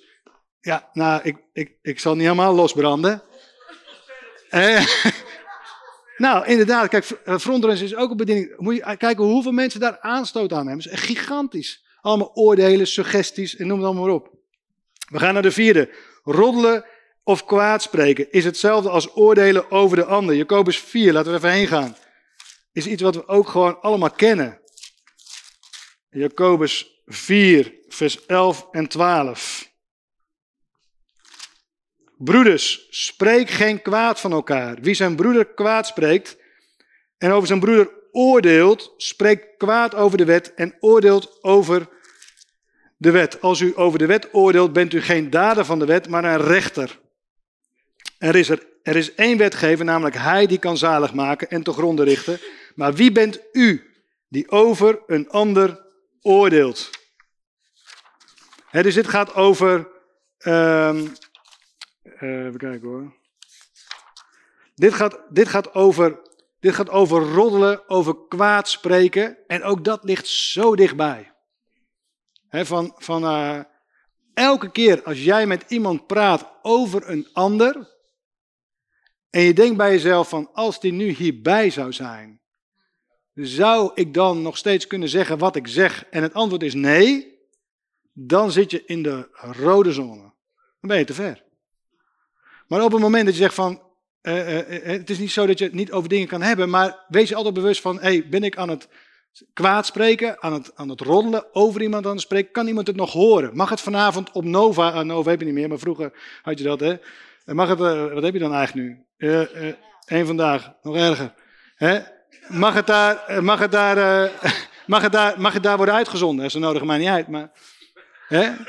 Kan je het dan zonder schaamrood vertellen. Laten we pakken een tekst die hier ook over gaat. Ook echt superkrachtig. Romeinen 14, vers 4. Dan zal ik een verhaal vertellen wat me overkwam met, met, met, met iemand in de, in de bediening. Schaamrood op mijn kaken, maar we lezen eerst de tekst. Romeinen 14, vers 4. Ja, Romeinen 14, vers 4. Wie bent u dat u de huisslaaf van een ander oordeelt? Of hij staat of valt, gaat alleen zijn eigen Heer aan. Hij zal echter staande gehouden worden, want God is bij hem staande te houden. dus wat oordeel je de huisslaaf van een ander?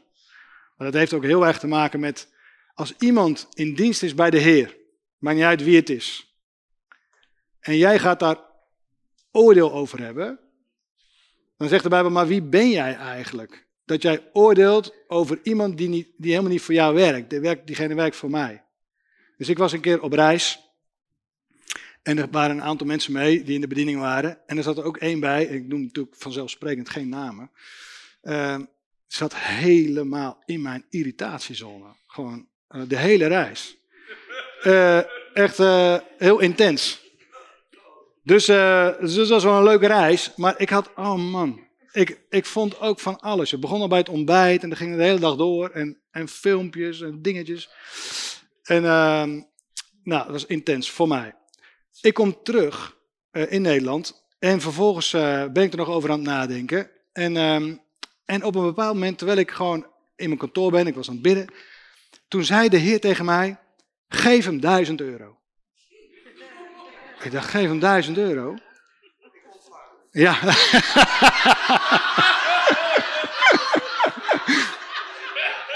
wat, wat er gebeurde was, dus... Dus ik dacht, oké, ehm, ik vond het echt heel, heel, heel uh, onverwacht. Ik had het natuurlijk helemaal nooit verwacht. En ik, ik weet ook zeker dat het niet mijn gedachte was. Ik had het nooit bedacht. En ik geloof ook niet dat het... Uh, en, ik geloof niet dat het, dat, het, uh, dat het de Satan was. Die zal het ook niet hebben bedacht. Maar de Heer zei, geef hem duizend euro in privé. Dus niet, niet eens een bediening, gewoon in privé. Dus ik denk, oké, ik stuur een mailtje naar het infoadres. Ik denk, nou, uh, ik had ook geen ander adres, dus ik ging naar het infoadres. Maar stiekem dacht ik ook van, ah, weet je, dan zien we het wel. Wat, wat, wat er van komt. ja, zo ging het dan. Ik denk, info, weet je, ik weet niet hoe hier gaat. Die zal ook al honderden mails binnen. nou. Dus ik hoorde ook helemaal niks, echt helemaal niks. Weken niet. Ik dacht, nou prima, ik heb het gewoon gedaan. Ik ben gehoorzaam geweest. Gewoon een mailtje gestuurd. Kan ik het, uh, kan ik het mailadres ontvangen? Of kan ik het bankrekeningnummer ontvangen? Want ik wil een, een privéstorting doen. Ik hoorde helemaal niks. Ik was gewoon, ik was gewoon oké mee. Totdat na drie maanden, out of the blue, in één keer een mailtje terugkwam. Nou, wat bijzonder hè, dat u dat wil doen. En uh, uw mail is even blijven liggen, maar hier is het bankrekeningnummer, bla bla. Dus het kwam, het kwam weer helemaal bij mij terug. Hè, dat gevoel, Maar in elk geval, ik deed het, ik in gehoorzaamheid. En nadat ik de gift had overgemaakt, veranderde er iets bij mij aan de binnenkant. Het was zo absurd. Het was zo apart. De, ver, de veranderde is, de irritatie verdween ook. Uh, uh, ik kan het niet goed verklaren, maar in elk geval door die daad van gehoorzaamheid en door, die, door hem te zegenen en hem het goede te geven, oogste ik ook gelijk iets terug. Het oordeel was weg. Ik spreek ook positief over hem. Hè? Uh, of, of, of, over haar. Dat doe ik nog. te laat. Maar in elk geval. Dus uh, dus dat was even een, een, zijstapje. De vijfde, waar je de boom van kennis van goed en kwaad tegenkomt. Hè, uh, waar je aan kan merken dat je aan het eten bent van die boom. Waar je vanaf moet blijven met je fikken. Is geen suggestie. En suggestie, ik hoorde eens een prediker zeggen, symptomen en suggestie, dat zijn twee duivels. En toen dacht ik, hé, wat zegt hij nou joh? En toen ging hij het uitleggen, zei hij, suggestie is levensgevaarlijk. Dus hoe werkt suggestie? Nou, je komt bij de dokter. Ik had laatst iemand bij ons in de gemeente, ging naar de dokter. Had, had een beetje pijn hier bij de, bij, ik weet niet meer, ergens in het gezicht. Laat het op de ogen houden. En, uh, en uh, dus die zegt, dokter, uh, is een beetje vervelend, gaat maar niet weg. En vervolgens begon die dokter te zeggen, nou, het zou wel eens dit kunnen zijn. Het zou wel eens dat kunnen zijn. Het zou wel eens dat kunnen zijn. als u uh, zoveel procent van de mensen ontwikkelt daar een tumortje. en, uh, en, en, en zo is hoe het gaat. Dus suggestie is ongelooflijk gevaarlijk. Het zet de deuren wijd open. Het zou wel eens dit kunnen zijn. Mijn tante Miep had daar ook al last van. Hè? Mijn ome Sjaak is daar aan dood gegaan. En voor je het weet, ga je mee in die suggestie en ben je aan het eten van de boom van kennis van goed en kwaad. Uh, uh, uh, hetzelfde, hetzelfde met symptomen. Symptomen is eigenlijk ook iets waarvan je, waarvan je kunt zeggen, ze gaan samen op. Je hebt ergens een pijntje, een dingetje, en een suggestie komt. Dit of dat. Dus twee duivels, onthoud het. Alright, we gaan richting het einde. Hoe rekenen we nou af met oordeel? Dus we hebben het gehad over Even voor jullie structuur. Dat jullie niet helemaal van pad af zijn vanavond. En huis denk ik, oh, mijn aantekeningenboekje helemaal vernacheld. Het was zo mooi opgebouwd in die zeven avonden. En nu, uh, nu is het hele boekje weg. Maar in elk geval, we zijn dus begonnen met het fundament. Het drie dingen. God is liefde, 100% liefde. God is, God is genadig en er is geen oordeel. Dat was blokje 1. Nou, blokje 2 was, toen heb ik het verhaal verteld van van dat grote paleis in Nijkerk, wat ik aan God reed. Uh, toen kwamen we aan bij, bij drie. Moet ik zelf ook even kijken, want uh, dat heb ik uitgelegd over die twee bomen. Dat er twee bomen in het paradijs zijn. Toen heb ik uitgelegd over geest, ziel, lichaam. Dat was vier. Toen kwamen we bij vijf. Nu ben ik helemaal de kluts kwijt. Nee, nee, nee die suggestie kwam maar later. Je hebt het zweetdoek al verloren nu, hè? hè? dat geeft niet, die heb je, die heb je niet nodig. Hè? voor mij als door bij hem. Ja, zeker, zeker, zeker. Helemaal waar. Nou, ik weet het niet meer. Maar in elk geval. We komen bij zes. Nee, nee, dat is natuurlijk niet waar. Nee, nee, nee. Vijf was de plekken waar je dus, zeg maar, de plekken waar je de boom tegenkomt. En die bestaat uit vijf subonderdelen. Ik ben niet helemaal uit een ei gekropen. Hè. En dan komen we nu bij bij 6. En dat is dus zeg maar, hoe reken je nou af? Hoe kan je die boom nou slopen? En hoe kan je nou, hoe kan je nou ervoor kiezen om meer van die andere boom te eten? Hoe doen we dat? Nou, er zijn eigenlijk drie manieren om dat te doen. De eerste is dat we gaan mediteren op Gods liefde. Dus het begint ermee dat je op het moment dat je jezelf helemaal vol giet met die boom des levens, door erop te mediteren, God is goed, God houdt van mij. Wat we aan het begin deden, met al die teksten, al die zes of vijf teksten die we hebben gedaan, daar kun je op mediteren. En Ik geloof, ik geloof zelf dat meditatie is het meest krachtige wapen wat je hebt als christen. Bijbellezen is belangrijk, bidden is belangrijk, in tongen spreken is belangrijk, maar meditatie is iets wat je vervolgens de hele dag kan doen als je niks bij je hebt. Want die tekst die heb je. En dus dus, dus elk, elk momentje dat je hebt, kun je die tekst even door je hoofd laten rollen of even uitspreken. En vervolgens elke keer komt dat zaad gewoon dieper en dieper en dieper en dieper en dieper. Dat is meditatie. En meditatie is ook gewoon, soms denk je dat je een tekst kent, maar je kent hem niet. Weet je hoe je dit kan testen? Door gewoon te kijken bij jezelf, hoeveel teksten ken ik eigenlijk uit mijn hoofd? Nou, dan kom je erachter hoeveel je gemediteerd hebt. Dus het is belangrijk om er gewoon werk van te maken. En als je drie keer per dag eet, kan je ook drie keer per dag mediteren. Het gaat best wel snel, je hebt maar vijf minuten nodig. Je kan ook, eh, elke keer als je naar wc gaat, kan je het ook doen. Als je veel thee drinkt, dan heb je heel veel meditatie. Ja. Dat is een heel, heel ander onderdeel. Pas op, hier gaan we niet naartoe. Mediteer op Gods, belofte, eh, mediteer op Gods liefde. Nou, 1 Korinthe 13. 1 Korinthe 13 is zo krachtig. Ik heb, er, ik heb er een keer over gesproken. Je kunt het ergens vinden op YouTube. Over de liefde. In de evangelische gemeente heb ik erover gesproken. 1 Korinthe 13, vers 4. De liefde is geduldig. Dat betekent in de grondtekst, de liefde irriteert zich niet. Dat staat er. Bij geduldig denken we, oh geduldig, een beetje, een beetje rustig blijven. Weet je, niet, eh, nee, dus je moet je niet irriteren. Geduldig, niet geen irritatie. Dus je staat achter het stoplicht, achter die opa, Opel Corsa. Hè? En, dan, en, dan, en dat was hem. en dan denk je, en dan denk je, nee, nee, nee, nee, nee, ik zegen deze meneer, ik zegen deze mevrouw. Hè? De liefde is geduldig. De liefde is, de liefde is vriendelijk. Dat betekent, de liefde ziet het belang van de ander. Hoe vaak zijn we bezig met ons eigen belang? Nee, maar de liefde is vriendelijk. De liefde is niet jaloers. Dat betekent in de grondtekst, de liefde is niet ambitieus. Ik, ik, ik, ik, was met Tom aan het praten vanmiddag en toen hadden we het ook over ambitie in de kerk. Gewoon gezien willen worden. Nou, hier ben ik. Dat zit in ons mensen, maar dat is, dat is ambitie, dat, is, dat, dat heeft iets van trots en hoop, want dat heeft niks met liefde te maken. De liefde is niet ambitieus. De liefde pronkt niet. Dat betekent, de liefde is helemaal niet vol van zichzelf. Nou, dat is werk aan de winkel, hè? Want, want we willen allemaal wel graag gezien worden. En voor je weet ben je vol van jezelf. Denk, nou, dat heb ik toch wel goed gedaan, weet je wel. Wel goede grappen gemaakt vanavond. Hè? En dan kan je zomaar denken, nou, vol... Waar moet je nou zo hard om lachen? Hè? De volgende. De liefde doet niet gewichtig. Dat betekent dat je niet opgeblazen bent. Opgeblazen is dat je gewoon jezelf veel beter voordoet dan dat je, dan dat je bent. Dat is eten van die boom die je moet slopen. Maar de liefde is het tegenover. De liefde is helemaal niet opge, opgezwollen, opgeblazen.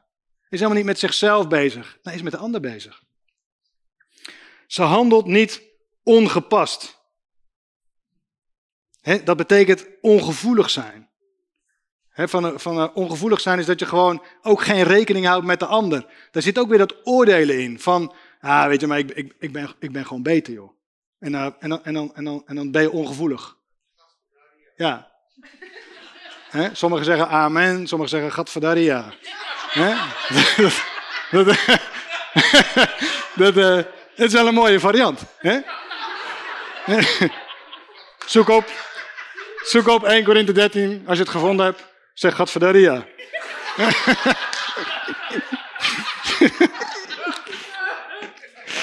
Even kijken. Nou hier, nog één. De liefde wordt niet verbitterd. Dat betekent in de grondtekst, provoceert niet. Dus provoceren. Ik kan er allemaal iets bij voorstellen. Hè? De liefde denkt geen kwaad. Dat betekent dat je de fouten bijhoudt van iemand. Dat is kwaaddenken van iemand. Ah, maar toen deed hij dat, en toen deed hij dat, en toen, toen heeft hij dat gedaan. En ik weet het nog precies hoor, en toen in 1998, toen, uh, ja, en, en, sommige mensen onthouden alles. Dat is, denken, dat is kwaaddenken van iemand anders. Dat is eten van die verkeerde boom. Die moet je slopen. Ze denkt geen kwaad. Ze verblijdt zich niet over de ongerechtigheid. Dat betekent dat je blij bent als het minder goed met iemand gaat. Weet je wanneer dat gebeurt? Iemand doet jou wat aan. Hè? En dan vervolgens dan, uh, gebeurt er iets met diegene. En dan ben je daar stiekem blij om. Dan denk ah, lekker, weet je. Dat is gewoon, dat is gewoon niet oké. Dat is geen liefde, dat is eten van de verkeerde boom. En die boom, die moeten we slopen. Ze bedekt alle dingen, ze gelooft alle dingen enzovoort. Dus hier, hier zie je ook gewoon een hele mooie definitie van aan de ene kant liefde, de boom des levens, en aan de andere kant de boom van kennis van goed en kwaad. En wat we dus kunnen doen, is ons onderdompelen in de liefde. Hoe doen we dat? Door ons te focussen op op de liefde van God de Vader. Dat doe je door meditatie, dat doe je door, door bij Hem te zijn. Hij wie in de schuilplaats van de Allerhoogste is gezeten. Dus je, je komt binnen in het heiligdom en dan laat je je doordrinken. En je gaat hem vragen stellen. Vader, wat zegt u over mij? Wat denkt u over mij? Wat vindt u ervan? Hoe moet ik met deze situatie omgaan? En dan begint God te spreken op een hele andere manier. Het tweede wat we kunnen doen om af te rekenen met die boom, om die boom om te hakken, is vergeven. Vergeven is het loslaten van oordeel, gevoelens van wrok, roep om vergelding van het oordeel wat je zelf hebt. Ik nog een keer zeggen, vergeving is het loslaten van oordeel. Gevoelens van wrok, roep om vergelding van het oordeel wat je zelf hebt. In het boek van Jozef Prins, daar las ik dit. Wanneer je vergeeft, dan keur je niet goed wat verkeerd is gegaan, maar je zet iemand vrij van oordeel. Eigenlijk laat je het oordeel aan God over. En vergeving zet je vervolgens vrij. Dus als je niet vergeeft, dan hou je vast aan de verkeerde boom. Want dan ben je nog steeds aan het oordelen, aan het wachten op oordeel. Terwijl, terwijl op het moment dat je het loslaat, ga je naar de boom des levens. Het, ja, dan kan de boom jou slopen, ja, als je niet vergeeft. En het derde, dat is het volgende, dat is dank God voortdurend voor alles. Dat is een Bijbels principe. Op het moment dat jij in een hotel komt, wat er een beetje verpauperd uitziet. Met, met een beetje een te hard bed. Dan kun je daar wat van vinden. En dan zit je aan die boom te snoepen. Maar je kan ook zeggen, vader, wat geweldig dat ik gewoon niet op straat hoef te slapen. En dat ik gewoon elke dag een dak boven mijn hoofd heb. En dank wel dat ik gewoon hier ook gewoon kan eten. En, dat en dan begin je God te danken. En in één keer zit je aan de andere boom. Dus danken is een ongelooflijk goede strategie. Om van de goede boom te eten. En je komt in de supermarkt. En dan staat er een meisje van 15. Die jou twee zakjes M&M's wil controleren. En dan zeg je, Vader, dank u wel voor deze, voor deze dame. Ik zegen haar. Dat ze u zal leren kennen. Ik zegen haar dat ze voorspoedig zal zijn. Dat ze gewoon omhoog gaat en niet omlaag. Dat ze de kop is en niet de staart. Ik zegen haar dat ze gewoon. En dan kan je gewoon. Dan kan je gewoon. Terwijl zij. Weet ik van wat aan het doen is met al die bonnetjes en scandingetjes. Gewoon zegenen. En wat er dan gebeurt is, dan bescherm je jezelf van het oordeel. Dus je kan het toepassen op elke situatie de medewerker die ziek belt in mijn geval. En zegt, nou, hoe ziek ben je? Heb je gezopen? Dit, dat, dat, dat. Je kan ook zeggen, nee, weet je, oh, weet je, nou, we bidden voor je, we zegenen je. Komt goed, neem je tijd, rust lekker uit. Kun je positief over spreken. En daarna, als de telefoon op opgang, kun je- dan kun je, dan kun je gewoon nog voor, voor, voor bidden. Of leven over uitspreken. Kan je zeggen, dan kan je zeggen, er staat in het woord dat gezegend is mijn kudde. Dan denk je, wat heeft die kudde nou mee te maken? Nou, vroeger waren, waren de koeien, dat was je, gewoon je personeel. Ja, dat staat er gewoon, hè. Ik zeg het misschien een beetje rottig, maar eh, eh, het is gewoon jouw erfdeel dat je gewoon zegen hebt op je productiemiddelen. Dus als iemand ziek is, dan kan je gewoon zeggen, ik ga staan op de belofte dat men, niet dat je koe, maar dat je, dat je medewerker gewoon eh, snel weer beter wordt. We moeten echt gaan afronden, want eh, nu wordt het... eh, ja. Ik ga het volgende doen. We hebben het, ik ga niet alles herhalen, maar wat ik, wat ik graag wil dat je meeneemt, is het beeld van die twee bomen. Dus we zijn wederom geboren, hier eh, in, je, in je binnenste. En dit gedeelte, die, die geest van God en jouw geest, die willen van die boom eten. Dat willen ze, de hele dag. Jouw ziel is nog veel meer gekoppeld aan die boom. En daarom is het belangrijk om je denken te vernieuwen, om die principes toe te passen, om God te danken, om te zegenen, om te mediteren op het woord, om gewoon een doener te worden van het woord en al, eigenlijk alles wat ik heb uitgelegd. En vervolgens, dan slopen we die boom van kennis van goed en kwaad meer en meer en meer en meer en meer. En dan komen we waar Jezus zei, Jezus zegt, oordeel niet, veroordeel niet. En dan gaan we eten van die boom des levens. Ik heb een gebed uitgeschreven en dat wil ik eigenlijk uitbidden over ons als we hier zitten. En vervolgens dan eh, zal ik nog een paar andere dingen zeggen. Maar om het af te ronden, om de boodschap af te ronden. eh, we hebben het best wel lang over gedaan nog. eh, half tien alweer geweest. Sluiten we af met een gebed. Ik zou zeggen, eh, eh, doe je handen open als, sym- sym- als, een, als een gebaar om van God te ontvangen. Vader God, we danken u dat het oordeel kwam op Jezus.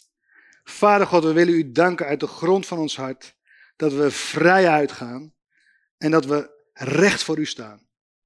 Halleluja, dank u wel Vader, u heeft ons vrijgekocht uit het rijk van de duisternis en overgebracht naar het koninkrijk van Jezus. Ik ben uw kind, Vader, uw erfgenaam. Ik ben in Christus, ik ben een rechtvaardige. En dank u Jezus, halleluja, dank u voor uw genade. Vader God, we willen wandelen in uw bestemming voor ons leven. We willen doen wat uw woord zegt. We willen eten van de boom des levens. En we willen ons denken vernieuwen met uw levende woord. Vader God, we bidden in de naam van Jezus Christus dat u ons geeft een geest van wijsheid en van openbaring, zodat we u meer en meer en meer en meer en meer zullen kennen. Intiemer zullen kennen. Dat we uw stem zullen horen. Dat we met u zullen spreken zoals een vriend spreekt met een vriend. Vader, in de naam van Jezus bidden we om een diepere openbaring. Een diepere openbaring van uw liefde die in ons is uitgestort. Vader God, we willen liefhebben zoals u lief heeft. We willen kijken zoals u kijkt. We willen spreken zoals u spreekt. Open de ogen van ons verstand, zodat we meer en meer zullen begrijpen wat u gegeven heeft. Vader God, dank u wel voor uw verzoening. We willen eten van de boom des levens en niet van de boom van kennis van goed en kwaad. Heilige Geest, we bidden, wijs ons de weg. We zullen luisteren wat u zegt en doen wat u spreekt. Dank u voor uw genade, Vader, die we hebben in Christus Jezus. En het volk van God zegt, Amen. Halleluja. Amen. Halleluja. Hmm. Alright. Voordat we de avond afronden, heeft Tom gevraagd of ik ehm, eh, iets wil zeggen over de gelegenheid om te zaaien en te oogsten. Dat doe ik altijd heel graag. Kijk, ook zaaien en oogsten heeft te maken met een openbaring van de liefde van de Vader. Als we gaan begrijpen dat God 100% liefde is, 100% goed is, hij is ook 100% onze voorziener. En ons denken, ons denken, ons natuurlijke denken is een denken in schaarste. Is er wel genoeg? Als ik weggeef, blijft er dan wel genoeg over? Daar zijn we zo van geprogrammeerd dat, dat, we, dat we altijd ook weer de afweging maken: geef ik wel, geef ik niet, geef ik wel, geef ik niet. En ik geloof dat het mogelijk is om jezelf te trainen en om steeds verder te komen in de ontdekking dat God, dat het niet mogelijk is om meer aan God te geven dan Hij aan jou geeft. Het is een voorbeeld van een ondernemer, Le Tournoy, een Fransman. Het was een, het was een zakenman en hij had een landbouwmachinebedrijf. hij, hij was de voorloper van Caterpillar, van die gele graafmachines. En hij gaf steeds meer aan de Heer. En op een bepaald moment werd hij geïnterviewd. En zei ze, waarom geeft u zoveel weg, meneer Tournoy? Toen zei hij, nou zegt hij, ik geef het met bakken weg. Maar God heeft een grotere schep. Hij schept het met een grotere schep terug. Ik hou het niet bij. En wat er gebeurde was, hij droomde s'nachts, droomde die concepten. En dan kwam hij, dan hij op zijn kantoor en zei tegen zijn ingenieurs, ik heb een, nieuw, ik heb een nieuwe machine. En dan ging hij, hij naar het whiteboard en en dan zegt hij van, kijk, ik heb een nieuwe machine gedroomd, hij ziet er ongeveer zo uit. En, uh, en, en, vervolgens, en vervolgens zei hij, het moet, het moet zoveel wielen hebben, het moet zo breed zijn, dit, dat, zo, dat, dat, dat. En vervolgens zei die ingenieurs, hoe weet je dat? En dan zei hij, ik heb het vannacht gedroomd. En dan lanceerde die machine en dan kwam er weer een bak aan omzet en een bak aan. En, en, en, waarom vertel ik dit? Ik vertel dit omdat, omdat het, ik vertel niet om je op te roepen om te geven. Daarom zeg ik niet, want wat ik eigenlijk gewoon graag wil is dat je gaat, gaat testen. Dat je gaat testen met het geven aan de Heer. Nou, ik moet je zeggen, ik ben onder de indruk van frontruns. Ik ben er zelf bij betrokken. Ik vind frontruns in Nederland een van de meest indrukwekkende bedieningen. En dus goede grond. En op het moment dat je zaait in goede grond, dan gaat het ook vrucht dragen. En ik wil je uitdagen vanavond om een zaad te zaaien. En dat zaad even een poosje in de gaten te houden. Want heel vaak zaaien we zaad en dan vergeten we het zaad. Maar het kenmerk van zaad is dat het opkomt en zich vermenigvuldigt en dat jij het in ontvangst neemt. En dat is ook goed om te leren. Dus als je vanavond zaait, schrijf het even ergens op in je telefoon of op een zoveel gegeven. Heer, ik geloof voor een honderdvoudige oogst. En kijk vervolgens wat er gebeurt. Want door dat te doen, ga je geloof koppelen aan je zaad. En wat er dan gebeurt is, doordat je er geloof aan koppelt, gaat het ook gebeuren. En dan wordt het zo fun, joh. Want dan, dan wordt het gewoon een feestje om te ontdekken, wauw, krijg je ook een hoop commentaar op. Maar ik geloof dat, ik geloof bij de Heer zijn helemaal geen grenzen. En bij de een komt het zo terug, en bij de ander komt het zo terug. Dus ik ga er niet de hele preek over houden, maar uh, wat was het ook weer? Partneroproep, toch? Dit is wat anders. dus partneroproep werkt trouwens precies hetzelfde. Als je, als je partner wordt en je zaait elke maand, is het elke maand zaad. Kan je ook bijhouden wat er gebeurt. Nou, het is zo fascinerend. Dus uh, ik heb geen idee hoe het werkt, maar voor mij uh, kun je geven. Via via de QR-code. QR-code. Ja. En wat ik echt op mijn hart heb is van, test het uit. Test, test eens een keer, keertje uit. Wie, heeft, wie van jullie heeft wel eens echt getest? Met Heer getest. Moet je kijken, het zijn er maar een paar. Misschien, misschien 5%. Maar de Bijbel zegt, test mij maar uit. Of ik niet de schatkamer van de hemel zou openen. Ik, ik, ik en Annemiek doen geregeld, wij geven, we zijn echt gevers. We proberen zoveel mogelijk te geven, geven. Uh, te leren ook, te trainen ook, om elke keer een beetje meer te geven. Want het stopt niet bij je tiende, je kan je, kan je rekken, oprekken.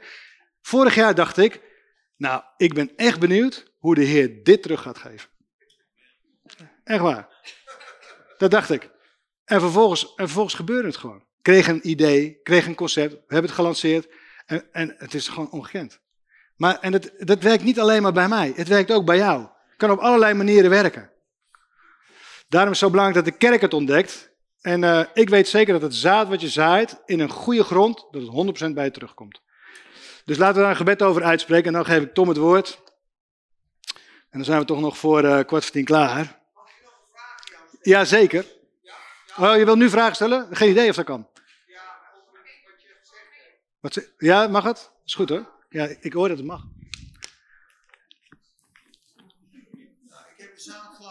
wil niet uh, het zaad ontrafelen, want, uh, lekker zaaien. Nee, ik, ik, ik vond het een supermooi, uh, verhelderend, bemoedigend woord. Dankjewel. Ik moest, ja, dat meen ik serieus, ook voor de bomen van kennis. Ik moest alleen denken aan het ene stuk in 1 Korinthe 5, waar de Heer zegt, joh, oordeel niet degene die buiten zijn, oordeel Ja. degene die binnen zijn. ja. En, en wat we soms zien is als mensen echt maximaal een zonde leven, Ja. Niet oordelen, Ja. liefhebben. ja. Kijk, en dat enigste puntje had ik denk misschien, hoe gaan we dat zien? Hè? Niet oordelen, maar er, is een, er is een punt Ja, waar zeker. je als liefdevol als broeder wel mag oordelen. Ja, zeker ja. Ja. Maar dit is inderdaad in de context van, kijk, ik, ik maak veel mee, ook in, de, ook in het leiden van een gemeente, dat dat, dan kom je deze dingen tegen. Maar ook daar, ook daar kun je tegen iemand zeggen, hé hey vriend, het is echt niet goed wat je doet. Maar wel het helemaal doordrenkt van liefde vertellen. Zeggen, weet je, wat je nu doet, je, je helpt jezelf de vernieling in. Jongen, God wil dat niet voor je. God heeft een beter plan voor je. God heeft het, God, God, God, heeft je anders voor ogen, jongen. Hoe kan ik je helpen? Want dit is voor jou niet goed, jongen. Je sloopt jezelf. Het loon van de zonde is de dood. Als je dit doorzet, dan zaai je op de akker enzovoort. En dan, als, als je dat doet met liefde, hè, dan, dan, eh, da- da- dan, dan, dan doet het wat. Ja, dus terechtwijzen is onderdeel in de gemeente. Want, want iemand niet zeggen wat op staat, is ook liefdeloos. Dus, dus alleen dat is wat anders dan veroordelen. Het is eigenlijk zeg maar iemand een spiegel voorhouden en zeggen: Hé hey gast, joh, dit is niet wat God voor je heeft, joh. Dit is gewoon, God heeft er iets veel beters voor je. Weet je, draai je om, bekeer je. En dan, en dan is het oordeel eraf. Maar dan, nou ja. Zo. Amen. Wat misschien daar wel een mooie toevoeging op is. Ik heb ook een eh videootje op YouTube staan over oordelen wanneer wel, wanneer niet. Ja. En er is een hele duidelijke lijn in de Bijbel. Valt iets onder jouw directe gezag, Ja. jouw directe verantwoordelijkheid, dan moet je er iets mee. Ja. Ook je kinderen, als die iets doen wat niet goed is, ben, jij verantwoordelijk om daar iets van te vinden en ze te corrigeren. En hetzelfde geldt voor de gemeenteleiding, de oudste in dit geval, die dus ook iets moeten met zo'n situatie in de gemeente. Ja. Maar dan valt het direct onder hun gezag. Ja. En wat wij inderdaad heel vaak doen, is dat we oordelen over dingen die niet onder ons gezag. Dat is natuurlijk ook die tekst. Wat oordeel je de huisslaaf van een ander? Dus de meeste van die slaaf, die is wel degelijk verantwoordelijk om erover te oordelen. Maar valt het onder jouw directe gezag of niet? En dat is denk ik heel belangrijk, eh, belangrijke lijn daarin. Ik stel voor dat we een zegen uitspreken over het zaad. En ehm, Ook de mensen trouwens nog even als toevoeging die online willen geven. Yes. Je kan klikken op de link onder in de beschrijving om partner Ja. te worden. Of eenmalig te geven of je tiende te geven. Dus als je op die manier wil zaaien. Ja, halleluja. Vader, in de naam van Jezus dank ik u dat uw woord waar is. Heer, dat u, dat u zegt, ik ben geen mens dat ik liegen zou. Of een mensenkind dat ik ergens berouw over zou hebben. Zou ik iets spreken en het dan niet doen? Zou ik iets zeggen en het niet gestand doen? Vader, in de naam van Jezus gaan we staan op dat woord. Gaan we staan op dat u heeft gezegd, ik zal het vermenigvuldigen. Ik zal het laten opkomen en het zal veelvuldig vrucht voortbrengen. In de naam van Jezus Christus zegen ik het zaad wat is gezaaid, de partnerbijdragers. En ik dank u, Vader, Heer, dat als we het zaad in de gaten houden de komende weken, dat er geweldige getuigenissen zullen ontstaan. Ik verklaar dat er wonderbaarlijke dingen zullen gebeuren in je leven, in je financiën, in je bedrijf, in je baan, in Jezus' machtige naam. Amen. Amen. Amen. Halleluja. Zullen we Michiel een heel groot applaus geven? Dankjewel. Michiel, dankjewel. Dankjewel. Wie heeft genoten van vanavond? Halleluja. Lekker hè? Ik hoop de mensen online ook. Ik wil nog even afsluiten terwijl iedereen nog eh, live kijkt. Omdat eh, je ziet altijd gedurende de uitzending komen er steeds meer mensen bij. Die worden pas na acht uur s'avonds wakker. Of eh, die komen terug van de kinderen wegbrengen of wat dan ook. Dus nog even de mededelingen voor iedereen die online kijkt. We doen een giveaway met Recall weer. Waarbij je het shirt wat ik nu aan heb of een andere variant ervan ehm, kan winnen. Ze hebben hele gave shirts met hele gave teksten. I am frontrunner, I move mountains, I walk by faith. Hele gave teksten. Je kan winnen door gewoon naar recallweer.nl te gaan of klik op de link onder deze video. En schrijf je even in voor de nieuwsbrief. Ze hebben ook hele gave andere collecties, hoodies, vesten. Maar eh, super tof als je mee zou willen doen. En via Instagram maken ze dan de winnaar bekend via een Instagram pagina van Recallweer. Daarnaast hebben we de Grace Conference. Als je nog niet hebt opgegeven, probeer er gewoon zoveel mogelijk avonden bij te zijn. Hoeveel merk al vanavond ook. Het is gewoon heerlijk om je onder te dompelen in de genade van God. De Bijbel zegt ook heel vaak groei in de genade. We kunnen groeien in genade. En is het zo belangrijk om onder dat onderwijs te zijn. Dus meld je gewoon aan. De tickets zijn gratis. We doen het in het midden van het land in Ede. Van 11 tot 14 mei. Ik zal spreken. eh Zoran Spasowski en Jan Pol. Eh, daarnaast mijn nieuwe boek wat zaterdag uitkomt. Zet het in je agenda, zet de wekker, bestel hem, deel hem uit. Eh, en daarnaast hebben we vijf vacatures open. Dus als je een roeping ervaart om te werken in het Koninkrijk van God. En het zou fijn zijn als je daarnaast ook enige natuurlijke talent hebt om dat werk te doen. Dan. eh, dan eh, als je herkent de talent in een van de vacatures die we open hebben, schroom niet om te solliciteren. En wellicht vind je wel je droombaan. Nou, ik hoef verder niet meer te bidden. Michiel heeft ons allemaal lekker gezegend. Dus iedereen ook online, hartelijk bedankt voor het kijken. Hartelijk bedankt voor iedereen die partner is geworden. En stuur dit onderwijs ook gewoon door, zodat we gewoon zoveel mogelijk mensen ermee kunnen zegenen. En God zegen en tot de volgende keer. Hallo, Tom de Wol hier en bedankt dat je weer geluisterd hebt naar onze podcast. Ik bid dat het je geloof gebouwd heeft en je bemoedigd bent. Als je niet alleen een luisteraar van onze boodschap wil zijn, maar ook een verspreider daarvan, wil ik je uitnodigen om partner te worden van Frontrunners. Door jouw maandelijkse donatie help je ons om dit evangelie van Jezus Christus en het woord van God over heel de aarde te brengen. Om partner te worden, ga naar www.frontrunnersministries.nl slash partners en word partner. Hartelijk bedankt en tot snel. Heb je ook zo genoten van deze inspirerende boodschap van Tom de Wal? Abonneer je dan op deze podcast. Volg ons op Facebook en op Instagram en kijk op onze website frontrunnersministries.nl.